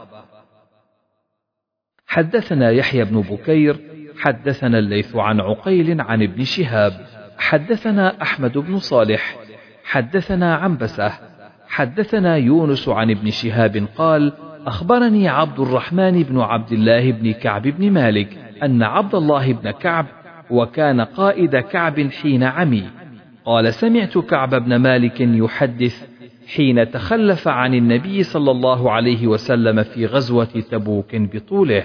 قال ابن بكير في حديثه ولقد شهدت مع النبي صلى الله عليه وسلم ليلة العقبة حين توافقنا على الإسلام وما أحب أن لي بها مشهد بدر وإن كانت بدر أذكر في الناس منها. حدثنا علي بن عبد الله حدثنا سفيان قال كان عمرو يقول سمعت جابر بن عبد الله رضي الله عنهما يقول شهد بي خالاي العقبة. قال أبو عبد الله قال ابن عيينة أحدهما البراء بن معرور. حدثني إبراهيم بن موسى أخبرنا هشام أن ابن جريج أخبرهم. قال عطاء قال جابر أنا وأبي وخالي من أصحاب العقبة. حدثني إسحاق بن منصور أخبرنا يعقوب بن إبراهيم حدثنا ابن أخي بن شهاب عن عمه. قال أخبرني أبو إدريس عائذ الله أن عبادة بن الصامت من الذين شهدوا بدرا مع رسول الله صلى الله عليه وسلم ومن أصحابه ليلة العقبة. أخبره أن رسول الله صلى الله عليه وسلم قال وحوله عصابة من أصحابه. تعالوا بايعوني على ألا تشركوا بالله شيئا ولا تسرقوا ولا تزنوا ولا تقتلوا أولادكم ولا تأتون ببهتان تفترونه بين أيديكم وأرجلكم ولا تعصوني في معروف فمن وفى منكم فأجره على الله ومن أصاب من ذلك شيئا فعوقب به في الدنيا فهو كفارة له ومن أصاب من ذلك شيئا فستره الله فأمره إلى الله إن شاء عاقبه وإن شاء عفى عنه قال فبايعته على ذلك. حدثنا قتيبة حدثنا الليث عن يزيد بن أبي حبيب عن أبي الخير عن الصناجي عن عبادة بن الصامت رضي الله عنه أنه قال إني من النقباء الذين بايعوا رسول الله صلى الله عليه وسلم وقال بايعناه على ألا نشرك بالله شيئا ولا نسرق ولا نزني ولا نقتل النفس التي حرم الله ولا ننتهب ولا نعصي بالجنة إن فعلنا ذلك فإن غشينا من ذلك شيئا كان قضاء ذلك إلى الله. باب تزويج النبي صلى الله عليه وسلم عائشة وقدومها المدينة وبنائه بها. حدثنا فروة بن أبي المغرى، حدثنا علي بن مسهر عن هشام عن أبيه، عن عائشة رضي الله عنها قالت: تزوجني النبي صلى الله عليه وسلم وأنا بنت ست سنين فقدمنا المدينة فنزلنا في بني الحارث بن خزرج فوعكت فتمرق شعري فوفى جميمة فأتتني أمي أم رومان وإني لفي أرجوحة ومعي صواحب لي. فصرخت بي فأتيتها لا أدري ما تريد بي. فأخذت بيدي حتى أوقفتني على باب الدار وإني لأنهج حتى سكن بعض نفسي. ثم أخذت شيئا من ماء فمسحت به وجهي ورأسي. ثم أدخلتني الدار فإذا نسوة من الأنصار في البيت فقلنا على الخير والبركة وعلى خير طائر فأسلمتني إليهن فأصلحن من شأني فلم يرعني إلا رسول الله صلى الله عليه وسلم ضحى فأسلمنني إليه وأنا يومئذ بنت تسع سنين. حدثنا معلى حدثنا وهيب عن هشام بن عروة عن أبيه عن عائشة رضي الله عنها أن النبي صلى الله عليه وسلم قال لها أريتك في المنام مرتين أرى أنك في سرقة من حرير ويقول هذه امرأتك فاكشف عنها فإذا هي أنت فأقول إن يك هذا من عند الله يمضه. حدثني عبيد بن إسماعيل حدثنا أبو أسامة عن هشام عن أبيه قال توفيت خديجة قبل مخرج النبي صلى الله عليه وسلم إلى المدينة بثلاث سنين. فلبث سنتين أو قريبا من ذلك ونكح عائشة وهي بنت ست سنين ثم بنى بها وهي بنت تسع سنين. باب هجرة النبي صلى الله عليه وسلم وأصحابه إلى المدينة. وقال عبد الله بن زيد وأبو هريرة رضي الله عنهما عن النبي صلى الله عليه وسلم لولا الهجرة لكنت امرأ من الأنصار. وقال أبو موسى عن النبي صلى الله عليه وسلم رأيت في المنام أني أهاجر من مكة إلى أرض بها نخل فذهب وهلي إلى أنها اليمامة أو هجر فإذا هي المدينة يثرب. حدثنا الحميدي حدثنا سفيان حدثنا الأعمش قال سمعت أبا وائل يقول عدنا خبابا فقال هاجرنا مع النبي صلى الله عليه وسلم نريد وجه الله فوقع أجرنا على الله فمنا من مضى لم يأخذ من أجره شيئا منهم مصعب بن عمير وقتل يوم أحد وترك نمرة فكنا إذا غطينا بها رأسه بدت رجلاه وإذا غطينا رجليه بدا رأسه فأمرنا رسول الله صلى الله عليه وسلم أن نغطي رأسه ونجعل على رجليه شيئا من إذخر ومنا من أينعت له ثمرته فهو يهدبها. حدثنا مسدد حدثنا حماد هو ابن زيد عن يحيى عن محمد بن إبراهيم عن علقمة بن وقاص قال سمعت عمر رضي الله عنه قال سمعت النبي صلى الله عليه وسلم يقول الأعمال بالنية فمن كانت هجرته إلى دنيا يصيبها وامرأة يتزوجها فهجرته إلى ما هاجر إليه. ومن كانت هجرته إلى الله ورسوله فهجرته إلى الله ورسوله صلى الله عليه وسلم. حدثني إسحاق بن يزيد الدمشقي، حدثنا يحيى بن حمزة، قال حدثني أبو عمرو الأوزاعي عن عبدة بن أبي لبابة، عن مجاهد بن جبر المكي، أن عبد الله بن عمر رضي الله عنهما كان يقول: لا هجرة بعد الفتح. وحدثني الأوزاعي عن عطاء بن أبي رباح قال زرت عائشة مع عبيد بن عمير الليثي فسألناها عن الهجرة فقالت لا هجرة اليوم كان المؤمنون يفر أحدهم بدينه إلى الله تعالى وإلى رسوله صلى الله عليه وسلم مخافة أن يفتن عليه. فأما اليوم فقد أظهر الله الإسلام واليوم يعبد ربه حيث شاء ولكن جهاد ونية. حدثني زكريا بن يحيى حدثنا ابن نمير. قال هشام فأخبرني أبي عن عائشة رضي الله عنها أن سعدا قال اللهم إنك تعلم أنه ليس أحد أحب إلي أن أجاهدهم فيك من قوم كذبوا رسولك صلى الله عليه وسلم وأخرجوه. اللهم فإني أظن أنك قد وضعت الحرب بيننا وبينهم. وقال أبان بن يزيد حدثنا هشام عن أبيه أخبرتني عائشة من قوم كذبوا نبيك وأخرجوه من قريش. حدثنا مطر بن الفضل حدثنا روح حدثنا هشام حدثنا عكرمة عن ابن عباس رضي الله عنهما قال بعث رسول الله صلى الله عليه وسلم لأربعين سنة. فمكث بمكة ثلاث عشرة سنة. يوحى إليه. ثم أمر بالهجرة فهاجر عشر سنين ومات وهو ابن ثلاث وستين. حدثني مطر بن الفضل. حدثنا روح بن عبادة. حدثنا زكريا بن إسحاق.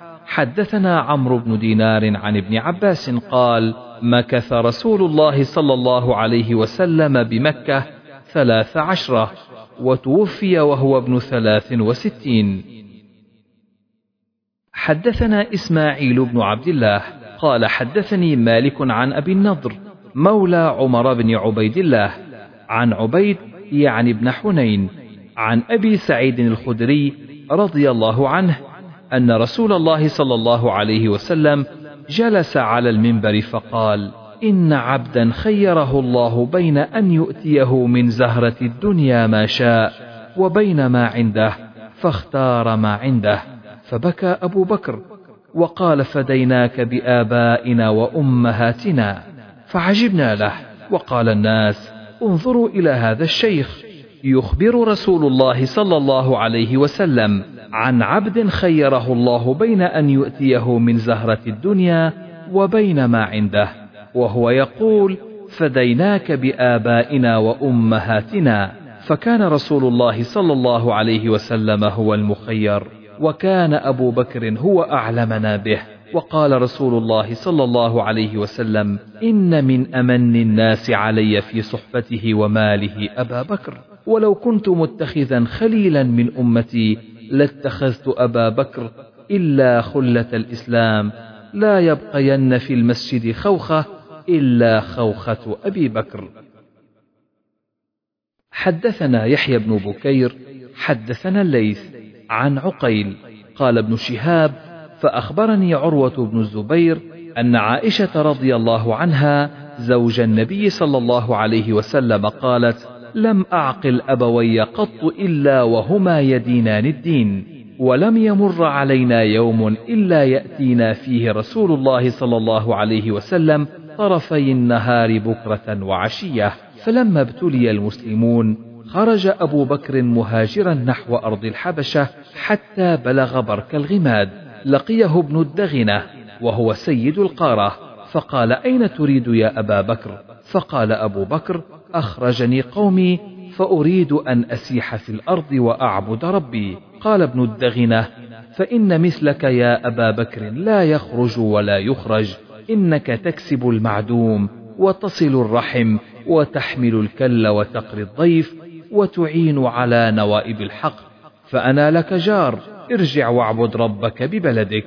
فرجع وارتحل معه ابن الدغنة فطاف ابن الدغنة عشية في أشراف قريش. فقال لهم إن أبا بكر لا يخرج مثله ولا يخرج.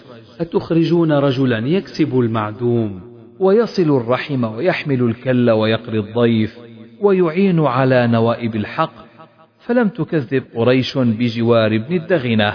وقالوا لابن الدغنة مر أبا بكر فليعبد ربه في داره فليصل فيها وليقرأ ما شاء ولا يؤذينا بذلك ولا يستعلن به. فإنا نخشى أن يفتن نساءنا وأبناءنا. فقال ذلك ابن الدغينة لأبي بكر. فلبث أبو بكر بذلك يعبد ربه في داره ولا يستعلن بصلاته ولا يقرأ في غير داره. ثم بدا لأبي بكر فابتنى مسجدا بفناء داره وكان يصلي فيه ويقرأ القرآن. فينقذف عليه نساء المشركين وأبناؤهم وهم يعجبون منه. وينظرون إليه. وكان أبو بكر رجلا بكاء لا يملك عينيه إذا قرأ القرآن. وأفزع ذلك أشراف قريش من المشركين فأرسلوا إلى ابن الدغنة. فقدم عليهم فقالوا إنا كنا أجرنا أبا بكر بجوارك على أن يعبد ربه في داره فقد جاوز ذلك. فابتنى مسجدا بفناء داره فأعلن بالصلاة والقراءة فيه. وإنا قد خشينا أن يفتن نساءنا وأبناءنا. فانهه فإن أحب أن يقتصر على أن يعبد ربه في داره فعل.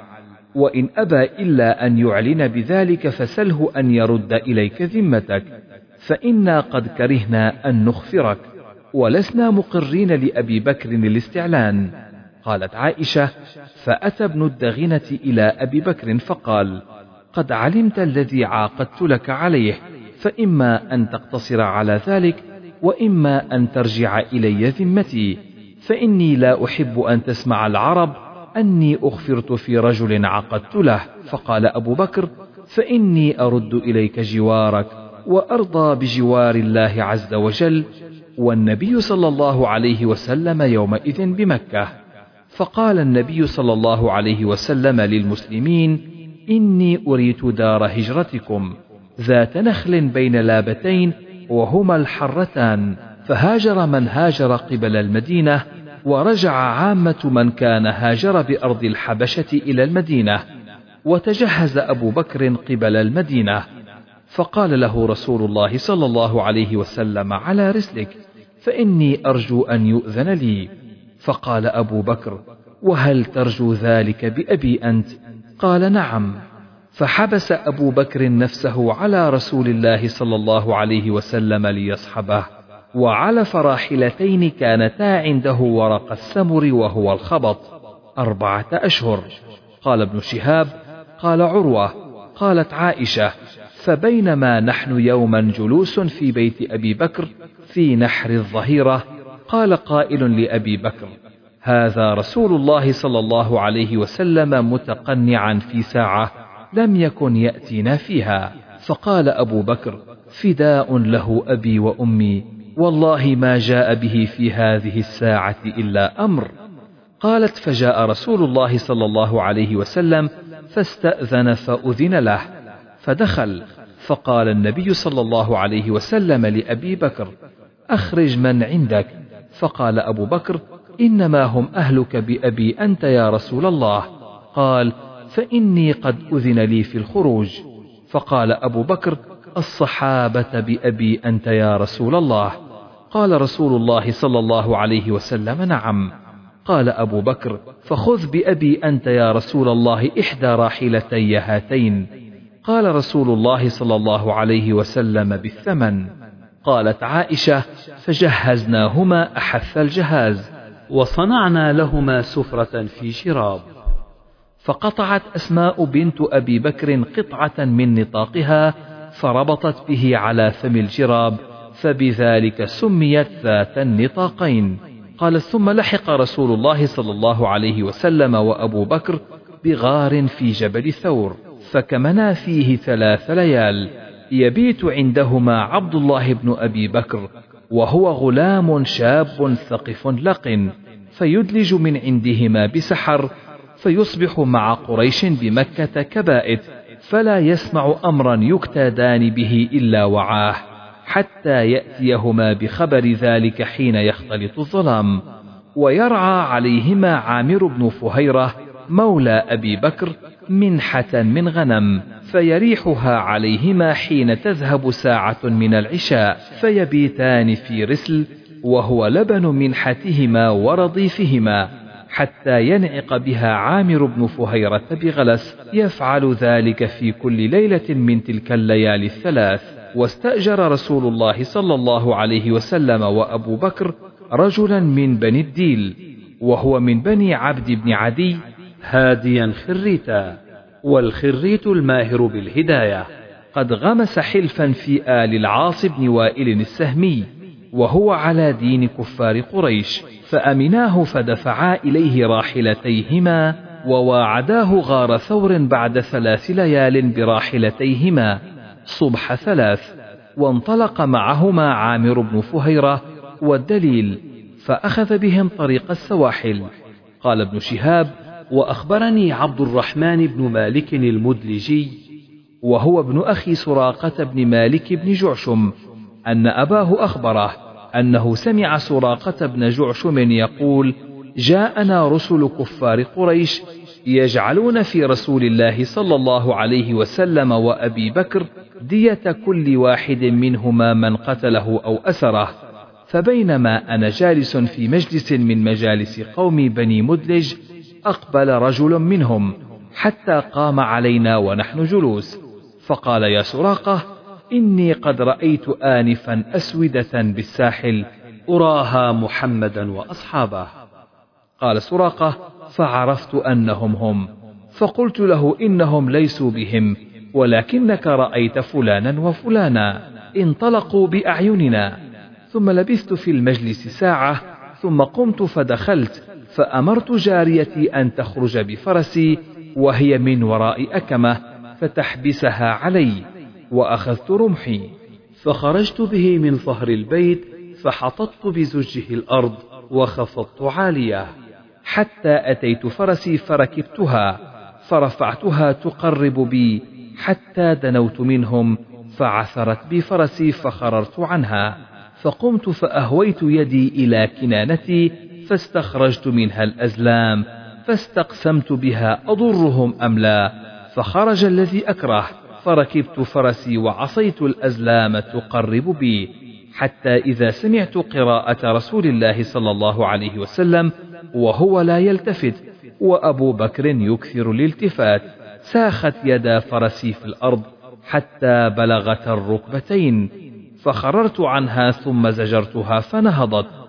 فلم تكد تخرج يديها فلما استوت قائمة إذا لأثر يديها عثان ساطع في السماء مثل الدخان فاستقسمت بالأزلام فخرج الذي أكره فناديتهم بالأمان فوقفوا فركبت فرسي حتى جئتهم ووقع في نفسي حين لقيت ما لقيت من الحبس عنهم أن سيظهر أمر رسول الله صلى الله عليه وسلم فقلت له إن قومك قد جعلوا فيك الدية وأخبرتهم أخبار ما يريد الناس بهم وعرضت عليهم الزاد والمتاع فلم يرزآني ولم يسألاني إلا أن قال أخف عنا. فسألته أن يكتب لي كتاب أمن فأمر عامر بن فهيرة فكتب في رقعة من أديم ثم مضى رسول الله صلى الله عليه وسلم. قال ابن شهاب فأخبرني عروة بن الزبير أن رسول الله صلى الله عليه وسلم لقي الزبير في ركب من المسلمين كانوا تجارا قافلين من الشأم. فكسى الزبير رسول الله صلى الله عليه وسلم وأبا بكر ثياب بياض. وسمع المسلمون بالمدينة مخرج رسول الله صلى الله عليه وسلم من مكة.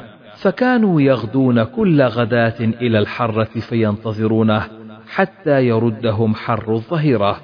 فانقلبوا يوما بعدما أطالوا انتظارهم فلما أووا إلى بيوتهم أوفى رجل من يهود على أطم من آطامهم لأمر ينظر إليه فبصر برسول الله صلى الله عليه وسلم وأصحابه مبيضين يزول بهم السراب.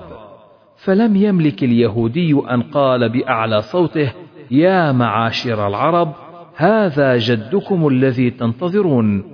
فثار المسلمون إلى السلاح فتلقوا رسول الله صلى الله عليه وسلم بظهر الحرة فعدل بهم ذات اليمين حتى نزل بهم في بني عمرو بن عوف. وذلك يوم الاثنين من شهر ربيع الأول فقام أبو بكر للناس وجلس رسول الله صلى الله عليه وسلم صامتا فطفق من جاء من الأنصار ممن لم ير رسول الله صلى الله عليه وسلم يحيي أبا بكر حتى أصابت الشمس رسول الله صلى الله عليه وسلم فأقبل أبو بكر حتى ظلل عليه بردائه فعرف الناس رسول الله صلى الله عليه وسلم عند ذلك فلبث رسول الله صلى الله عليه وسلم في بني عمرو بن عوف بضع عشرة ليلة وأسس المسجد الذي أسس على التقوى وصلى فيه رسول الله صلى الله عليه وسلم ثم ركب راحلته فسار يمشي معه الناس حتى بركت عند مسجد الرسول صلى الله عليه وسلم بالمدينة وهو يصلي فيه يومئذ رجال من المسلمين. وكان مربدا للتمر لسهيل وسهل غلامين يتيمين في حجر أسعد بن زرارة. فقال رسول الله صلى الله عليه وسلم حين بركت به راحلته هذا إن شاء الله المنزل. ثم دعا رسول الله صلى الله عليه وسلم الغلامين فساومهما بالمربد ليتخذه مسجدا. فقالا لا بل نهبه لك يا رسول الله. ثم بناه مسجدا. وطفق رسول الله صلى الله عليه وسلم ينقل معهم اللبن في بنيانه ويقول وهو ينقل اللبن هذا الحمال لا حمال خيبر هذا أبر ربنا وأطهر. ويقول اللهم إن الأجر أجر الآخرة فارحم الأنصار والمهاجرة. فتمثل بشعر رجل من المسلمين لم يسم لي. قال ابن شهاب ولم يبلغنا في الأحاديث أن رسول الله صلى الله عليه وسلم تمثل ببيت شعر تام من غير هذا البيت. حدثنا عبد الله بن أبي شيبة حدثنا أبو أسامة حدثنا هشام عن أبيه وفاطمة عن أسماء رضي الله عنها. صنعت سفرة للنبي صلى الله عليه وسلم وأبي بكر حين أراد المدينة. فقلت لأبي ما أجد شيئا أربطه إلا نطاقي. قال فشقيه. ففعلت فسميت ذات النطاقين. حدثنا محمد بن بشار حدثنا غندر حدثنا شعبة عن أبي إسحاق قال سمعت البراء رضي الله عنه قال لما أقبل النبي صلى الله عليه وسلم إلى المدينة تبعه سراقة بن مالك بن جعشم فدعا عليه النبي صلى الله عليه وسلم فساخت به فرسه قال ادع الله لي ولا أضرك فدعا له قال فعطش رسول الله صلى الله عليه وسلم فمر براع قال أبو بكر فأخذت قدحا فحلبت فيه كثبة من لبن فأتيته فشرب حتى رضيت. حدثني زكريا بن يحيى عن أبي أسامة عن هشام بن عروة عن أبيه عن أسماء رضي الله عنها أنها حملت بعبد الله بن الزبير قالت فخرجت وأنا متم فأتيت المدينة فنزلت بقباء فولدته بقباء. ثم أتيت به النبي صلى الله عليه وسلم فوضعته في حجره ثم دعا بتمرة فمضغها ثم تفل في فيه فكان أول شيء دخل جوفه ريق رسول الله صلى الله عليه وسلم ثم حنكه بتمرة ثم دعا له وبرك عليه وكان أول مولود ولد في الإسلام. تابعه خالد بن مخلد عن علي بن مسهر عن هشام عن أبيه عن أسماء رضي الله عنها أنها هاجرت إلى النبي صلى الله عليه وسلم وهي حبلى. حدثنا قتيبة عن أبي أسامة عن هشام بن عروة عن أبيه عن عائشة رضي الله عنها قالت أول مولود ولد في الإسلام عبد الله بن الزبير أتوا به النبي صلى الله عليه وسلم فأخذ النبي صلى الله عليه وسلم تمرة فلاكها ثم أدخلها في فيه فأول ما دخل بطنه ريق النبي صلى الله عليه وسلم.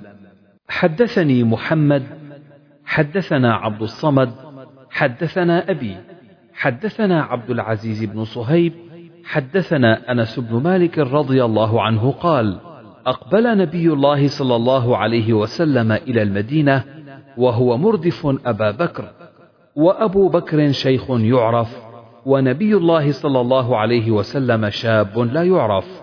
قال فيلقى الرجل أبا بكر فيقول يا أبا بكر من هذا الرجل الذي بين يديك؟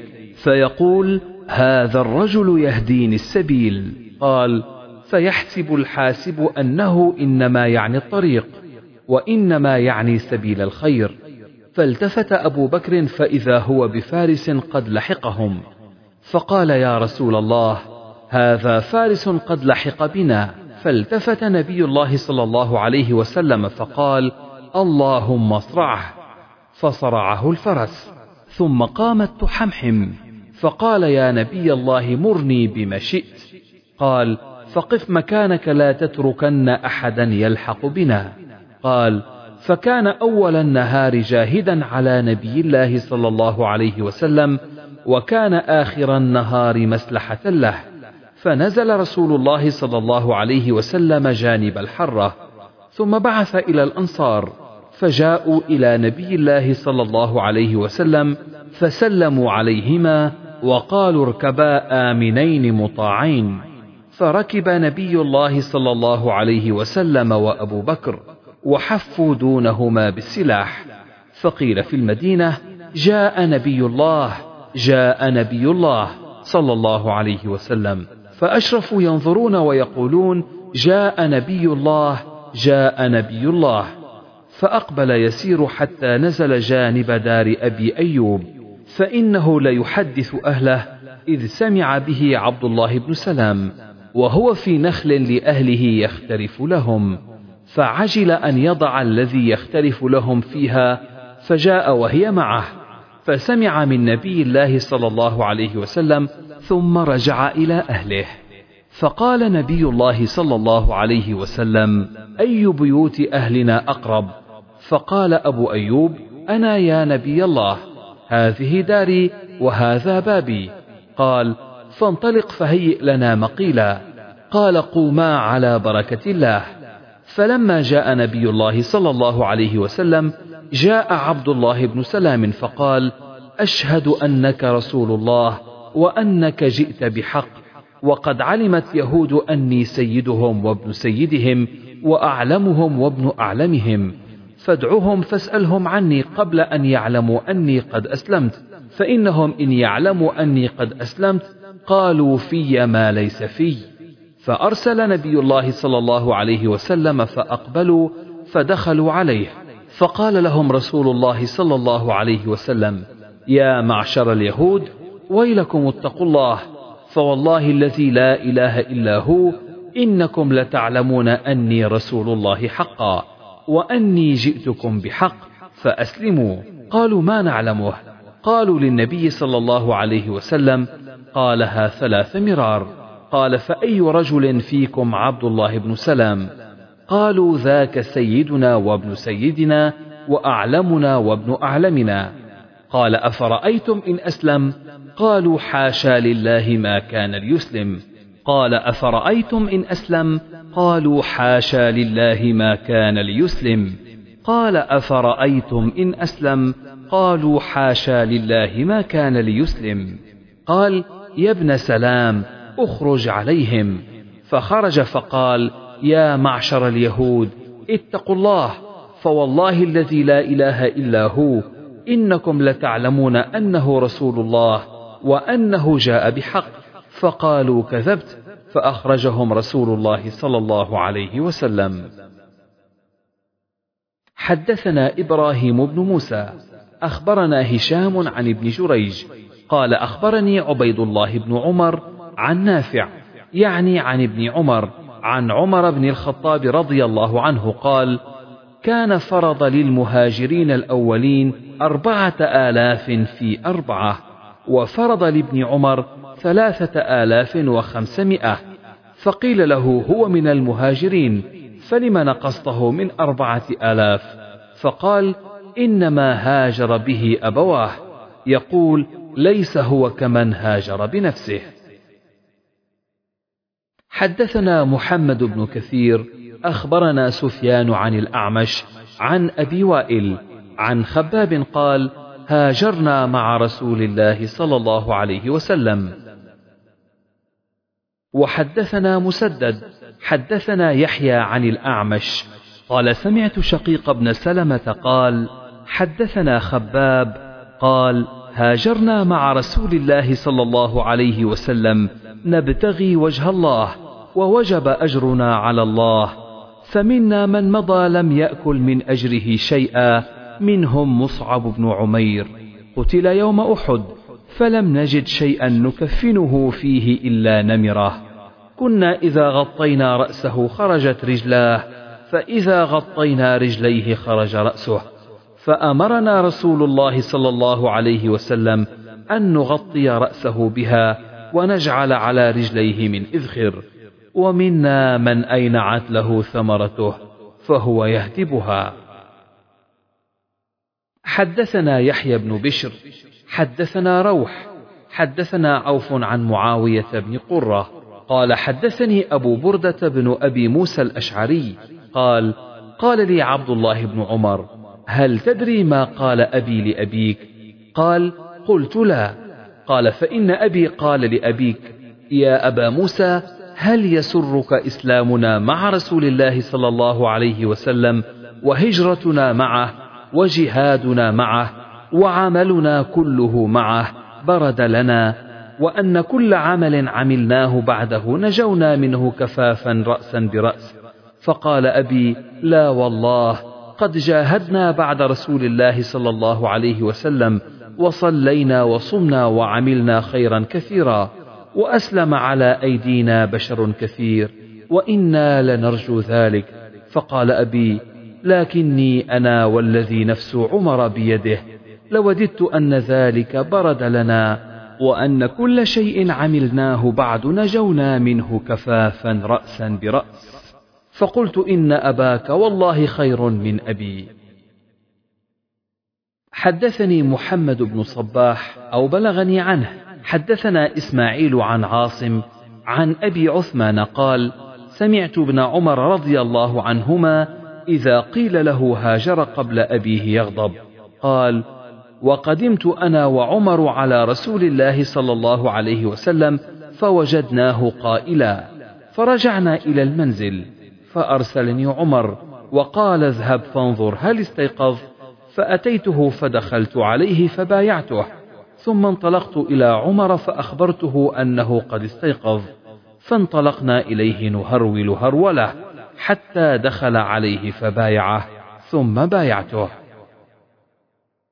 حدثنا أحمد بن عثمان حدثنا شريح بن مسلمة حدثنا إبراهيم بن يوسف عن أبيه عن أبي إسحاق. قال سمعت البراء يحدث قال ابتاع أبو بكر من عازب رحلا فحملته معه.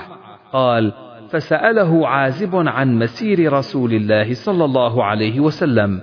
قال أخذ علينا بالرصد فخرجنا ليلا فأحففنا ليلتنا ويومنا حتى قام قائم الظهيرة ثم رفعت لنا صخرة فأتيناها ولها شيء من ظل قال ففرشت لرسول الله صلى الله عليه وسلم فروة معي ثم اضطجع عليها النبي صلى الله عليه وسلم فانطلقت أنفض ما حوله فإذا أنا براع قد أقبل في غنيمة يريد من الصخرة مثل الذي أردنا.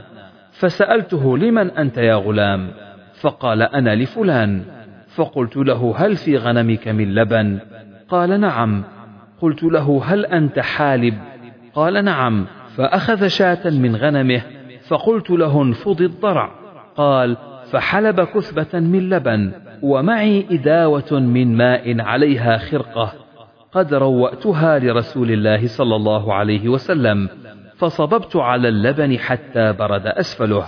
ثم أتيت به النبي صلى الله عليه وسلم فقلت اشرب يا رسول الله. فشرب رسول الله صلى الله عليه وسلم حتى رضيت ثم ارتحلنا والطلب في إثرنا. قال البراء فدخلت مع أبي بكر على أهله فإذا عائشة ابنته مضطجعة قد أصابتها حمى. فرأيت أباها فقبل خدها وقال كيف أنت يا بنية؟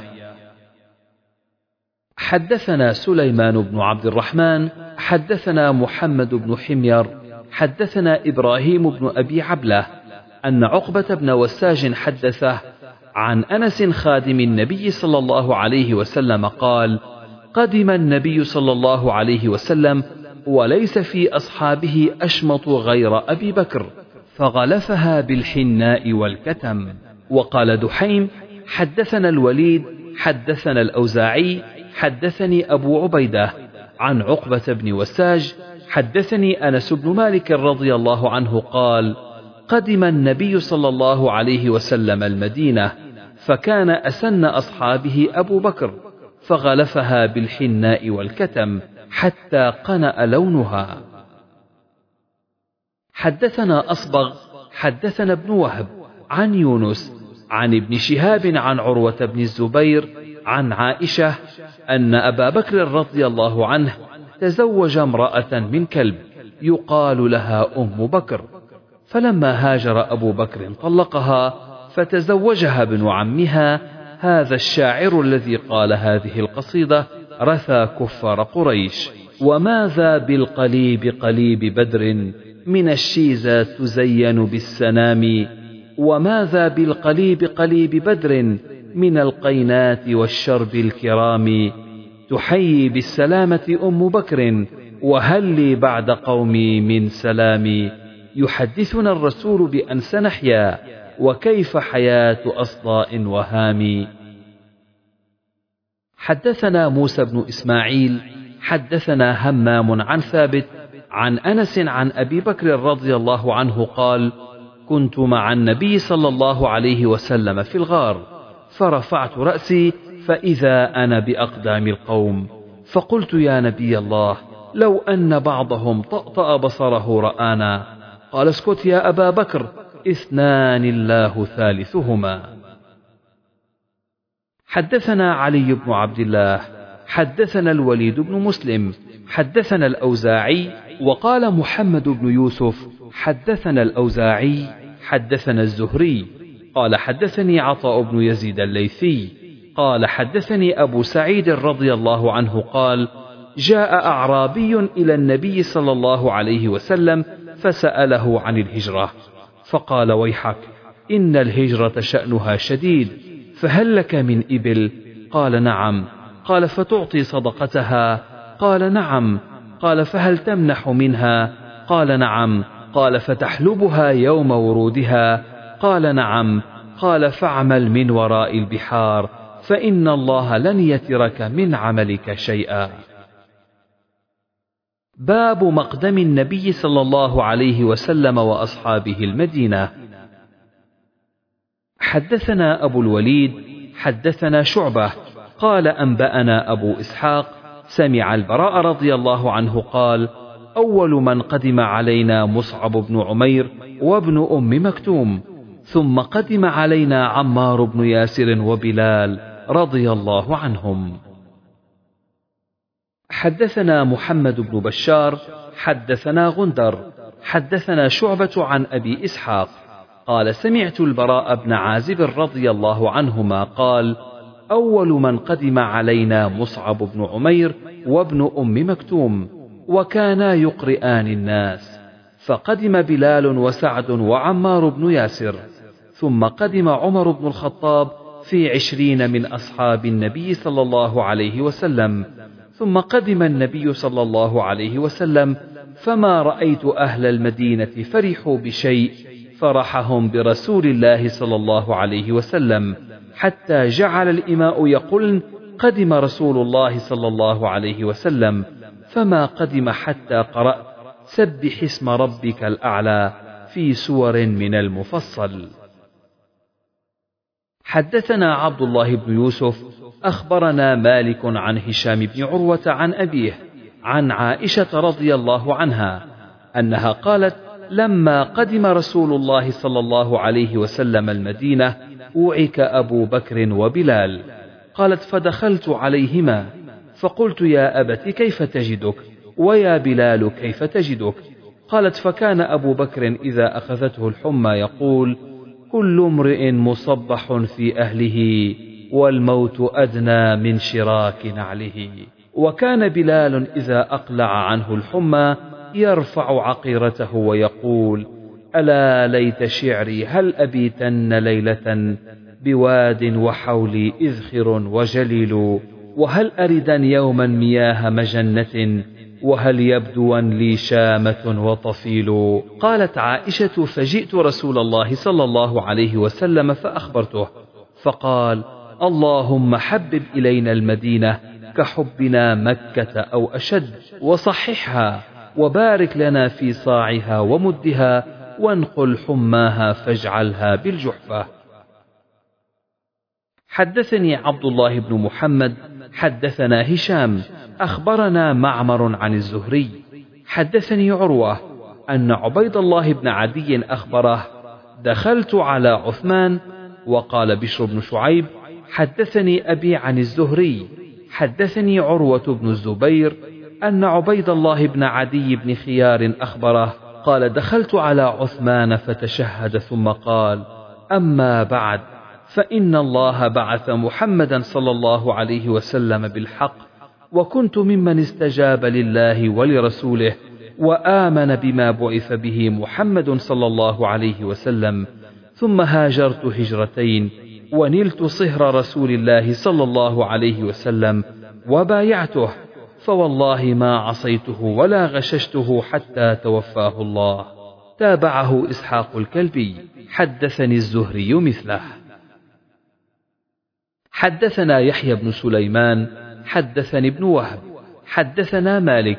وأخبرني يونس عن ابن شهاب قال أخبرني عبيد الله بن عبد الله أن ابن عباس أخبره أن عبد الرحمن بن عوف رجع إلى أهله وهو بمنى في آخر حجة حجها عمر فوجدني فقال عبد الرحمن فقلت يا أمير المؤمنين إن الموسم يجمع رعاع الناس وإني أرى أن تمهل حتى تقدم المدينة فإنها دار الهجرة والسنة وتخلص لأهل الفقه وأشراف الناس وذوي رأيهم. قال عمر لأقومن في أول مقام أقومه بالمدينة. حدثنا موسى بن إسماعيل حدثنا إبراهيم بن سعد أخبرنا ابن شهاب عن خارجة بن زيد بن ثابت أن أم العلاء امرأة من نسائهم بايعت النبي صلى الله عليه وسلم. أخبرته أن عثمان بن مظعون طار لهم في السكنى حين اقترعت الأنصار على سكنى المهاجرين. قالت أم العلاء فاشتكى عثمان عندنا فمرضته حتى توفي. وجعلناه في أثوابه. فدخل علينا النبي صلى الله عليه وسلم فقلت رحمة الله عليك أبا السائب شهادتي عليك لقد أكرمك الله. فقال النبي صلى الله عليه وسلم وما يدريك أن الله أكرمه؟ قالت قلت لا أدري بأبي أنت وأمي يا رسول الله فمن؟ قال أما هو فقد جاءه والله اليقين. والله إني لأرجو له الخير وما أدري والله وأنا رسول الله ما يفعل بي. قالت فوالله لا أزكي أحدا بعده. قالت فأحزنني ذلك فنمت فأريت لعثمان بن مضعون عينا تجري. فجئت رسول الله صلى الله عليه وسلم فأخبرته فقال ذلك عمله. حدثنا عبيد الله بن سعيد. حدثنا أبو أسامة عن هشام عن أبيه عن عائشة رضي الله عنها قالت كان يوم بعاث يوما قدمه الله عز وجل لرسوله صلى الله عليه وسلم فقدم رسول الله صلى الله عليه وسلم المدينة وقد افترق ملأهم وقتلت سراتهم في دخولهم في الإسلام. حدثني محمد بن المثنى حدثنا غندر حدثنا شعبة عن هشام عن أبيه عن عائشة أن أبا بكر دخل عليها والنبي صلى الله عليه وسلم عندها يوم فطر أو أضحى وعندها قينتان بما تقاذفت الأنصار يوم بعاث. فقال أبو بكر مزمار الشيطان مرتين. فقال النبي صلى الله عليه وسلم دعهما يا أبا بكر إن لكل قوم عيدا. وإن عيدنا هذا اليوم. حدثنا مسدد حدثنا عبد الوارث وحدثنا إسحاق بن منصور أخبرنا عبد الصمد قال سمعت أبي يحدث حدثنا أبو التياح يزيد بن حميد الضبعي قال حدثني أنس بن مالك رضي الله عنه قال لما قدم رسول الله صلى الله عليه وسلم المدينة نزل في علو المدينة في حي يقال لهم بنو عمرو بن عوف. قال فأقام فيهم أربع عشرة ليلة ثم أرسل إلى ملأ بني النجار. قال فجاءوا متقلدي سيوفهم.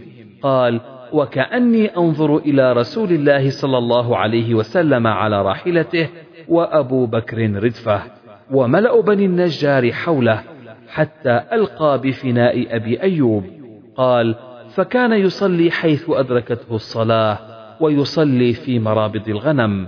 قال ثم إنه أمر ببناء المسجد. فأرسل إلى ملأ بني النجار فجاءوا فقال يا بني النجار ثامنوني حائطكم هذا. فقالوا لا والله لا نطلب ثمنه إلا إلى الله. قال فكان فيه ما أقول لكم كانت فيه قبور المشركين وكانت فيه خرب. وكان فيه نخل فأمر رسول الله صلى الله عليه وسلم بقبور المشركين فنبشت وبالخرب فسويت وبالنخل فقطع. قال فصفوا النخل قبلة المسجد. قال وجعلوا عضادتيه حجارة. قال قال جعلوا ينقلون ذاك الصخر وهم يرتجزون ورسول الله صلى الله عليه وسلم معهم يقولون اللهم إنه لا خير إلا خير الآخرة فانصر الأنصار والمهاجرة. باب إقامة المهاجر بمكة بعد قضاء نسكه. حدثني إبراهيم بن حمزة حدثنا حاتم عن عبد الرحمن بن حميد الزهري قال سمعت عمر بن عبد العزيز يسأل السائب بن أخت النمر ما سمعت في سكنى مكة؟ قال سمعت العلاء بن الحضرمي. قال قال رسول الله صلى الله عليه وسلم ثلاث للمهاجر بعد الصدر حدثنا عبد الله بن مسلمة حدثنا عبد العزيز عن أبيه عن سهل بن سعد قال ما عدوا من مبعث النبي صلى الله عليه وسلم ولا من وفاته ما عدوا إلا من مقدمه المدينة.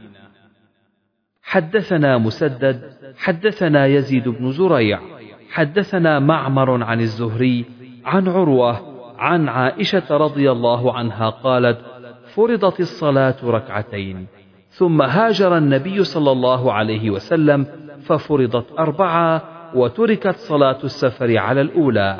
تابعه عبد الرزاق عن معمر.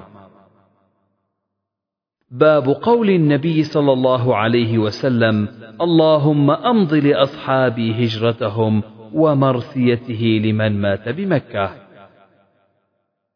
حدثنا يحيى بن قزعة حدثنا إبراهيم عن الزهري عن عامر بن سعد بن مالك عن أبيه قال عادني النبي صلى الله عليه وسلم عام حجة الوداع من مرض أشفيت منه على الموت. فقلت يا رسول الله بلغ بي من الوجع ما ترى وأنا ذو مال ولا يرثني إلا ابنة لي واحدة. أفأتصدق بثلثي مالي؟ قال لا. قال فأتصدق بشطره؟ قال الثلث يا سعد والثلث كثير. إنك أن تذر ذريتك أغنياء خير من أن تذرهم عالة يتكففون الناس. قال أحمد بن يونس عن إبراهيم أن تذر ذريتك ولست بنافق نفقة تبتغي بها وجه الله إلا آجرك الله بها حتى اللقمة تجعلها في في امرأتك. قلت يا رسول الله أخلف بعد أصحابي. قال إنك لن تخلف فتعمل عملا تبتغي به وجه الله إلا ازددت به درجة ورفعة ولعلك تخلف حتى ينتفع بك أقوام ويضر بك آخرون. اللهم أمض لأصحابي هجرتهم ولا تردهم على أعقابهم لكن البائس سعد بن خولة يرثي له رسول الله صلى الله عليه وسلم أن توفي بمكة. وقال أحمد بن يونس وموسى عن إبراهيم أن تذر ورثتك باب كيف آخى النبي صلى الله عليه وسلم بين أصحابه؟ وقال عبد الرحمن بن عوف آخى النبي صلى الله عليه وسلم بيني وبين سعد بن الربيع لما قدمنا المدينة. وقال أبو جحيفة آخى النبي صلى الله عليه وسلم بين سلمان وأبي الدرداء. حدثنا محمد بن يوسف حدثنا سفيان عن حميد عن أنس رضي الله عنه قال قدم عبد الرحمن بن عوف فآخى النبي صلى الله عليه وسلم بينه وبين سعد بن الربيع الأنصاري فعرض عليه أن يناصفه أهله وماله فقال عبد الرحمن بارك الله لك في أهلك ومالك دلني على السوق. فربح شيئا من أقط وسمن فرآه النبي صلى الله عليه وسلم بعد أيام وعليه وضر من صفرة. فقال النبي صلى الله عليه وسلم مهيم يا عبد الرحمن؟ قال يا رسول الله تزوجت امرأة من الأنصار. قال فما سقت فيها؟ فقال وزن نواة من ذهب. فقال النبي صلى الله عليه وسلم أولم ولو بشاه. باب حدثني حامد بن عمر عن بشر بن المفضل. حدثنا حميد حدثنا أنس أن عبد الله بن سلام بلغه مقدم النبي صلى الله عليه وسلم المدينة فأتاه يسأله عن أشياء فقال إني سائلك عن ثلاث لا يعلمهن إلا نبي ما أول أشراط الساعة؟ وما أول طعام يأكله أهل الجنة؟ وما بال الولد ينزع إلى أبيه أو إلى أمه؟ قال أخبرني به جبريل آنفا. قال ابن سلام ذاك عدو اليهود من الملائكة. قال أما أول أشراط الساعة فنار تحشرهم من المشرق إلى المغرب. وأما أول طعام يأكله أهل الجنة فزيادة كبد الحوت. وأما الولد فإذا سبق ماء الرجل ماء المرأة نزع الولد. وإذا سبق ماء المرأة ماء الرجل نزعت الولد. قال أشهد أن لا إله إلا الله وأنك رسول الله. قال يا رسول الله إن اليهود قوم بهت فاسألهم عني قبل أن يعلموا بإسلامي. فجاءت اليهود فقال النبي صلى الله عليه وسلم أي رجل عبد الله بن سلام فيكم؟ قالوا خيرنا وابن خيرنا وأفضلنا وابن أفضلنا. فقال النبي صلى الله عليه وسلم أرأيتم إن أسلم عبد الله بن سلام؟ قالوا أعاذه الله من ذلك. فأعاد عليهم فقالوا مثل ذلك. فخرج إليهم عبد الله فقال أشهد أن لا إله إلا الله وأن محمدا رسول الله. قالوا شرنا وابن شرنا وتنقصوه. قال هذا كنت أخاف يا رسول الله. حدثنا علي بن عبد الله. حدثنا سفيان عن عمرو سمع أبا المنهال عبد الرحمن بن مطعم قال باع شريك لي دراهم في السوق نسيئة فقلت سبحان الله أيصلح هذا؟ فقال سبحان الله والله لقد بعتها في السوق فما عابه أحد. فسألت البراء بن عازب فقال قدم النبي صلى الله عليه وسلم ونحن نتبايع هذا البيع. فقال ما كان يدا بيد فليس به بأس وما كان نسيئة فلا يصلح. والق زيد بن أرقم فاسأله فإنه كان أعظمنا تجارة. فسألت زيد بن أرقم فقال مثله. وقال سفيان مرة فقال قدم علينا النبي صلى الله عليه وسلم المدينة ونحن نتبايع. وقال نسيئة إلى الموسم أو الحج. باب إتيان اليهود النبي صلى الله عليه وسلم حين قدم المدينة. هادوا صاروا يهود وأما قوله هدنا تبنى هائد تائب. حدثنا مسلم بن إبراهيم حدثنا قرة عن محمد عن أبي هريرة عن النبي صلى الله عليه وسلم قال لو آمن بي عشرة من اليهود لآمن بي اليهود. حدثني أحمد أو محمد بن عبيد الله الغداني حدثنا حماد بن أسامة. أخبرنا أبو عميس عن قيس بن مسلم عن طارق بن شهاب عن أبي موسى رضي الله عنه قال دخل النبي صلى الله عليه وسلم المدينة وإذا ناس من اليهود يعظمون عاشوراء ويصومونه. فقال النبي صلى الله عليه وسلم نحن أحق بصومه. فأمر بصومه. حدثنا زياد بن أيوب حدثنا هشيم حدثنا أبو بشر عن سعيد بن جبير عن ابن عباس رضي الله عنهما قال لما قدم النبي صلى الله عليه وسلم المدينة وجد اليهود يصومون عاشوراء فسئلوا عن ذلك فقالوا هذا اليوم الذي أظفر الله فيه موسى وبني إسرائيل على فرعون ونحن نصومه تعظيما له. فقال رسول الله صلى الله عليه وسلم نحن أولى بموسى منكم ثم أمر بصومه.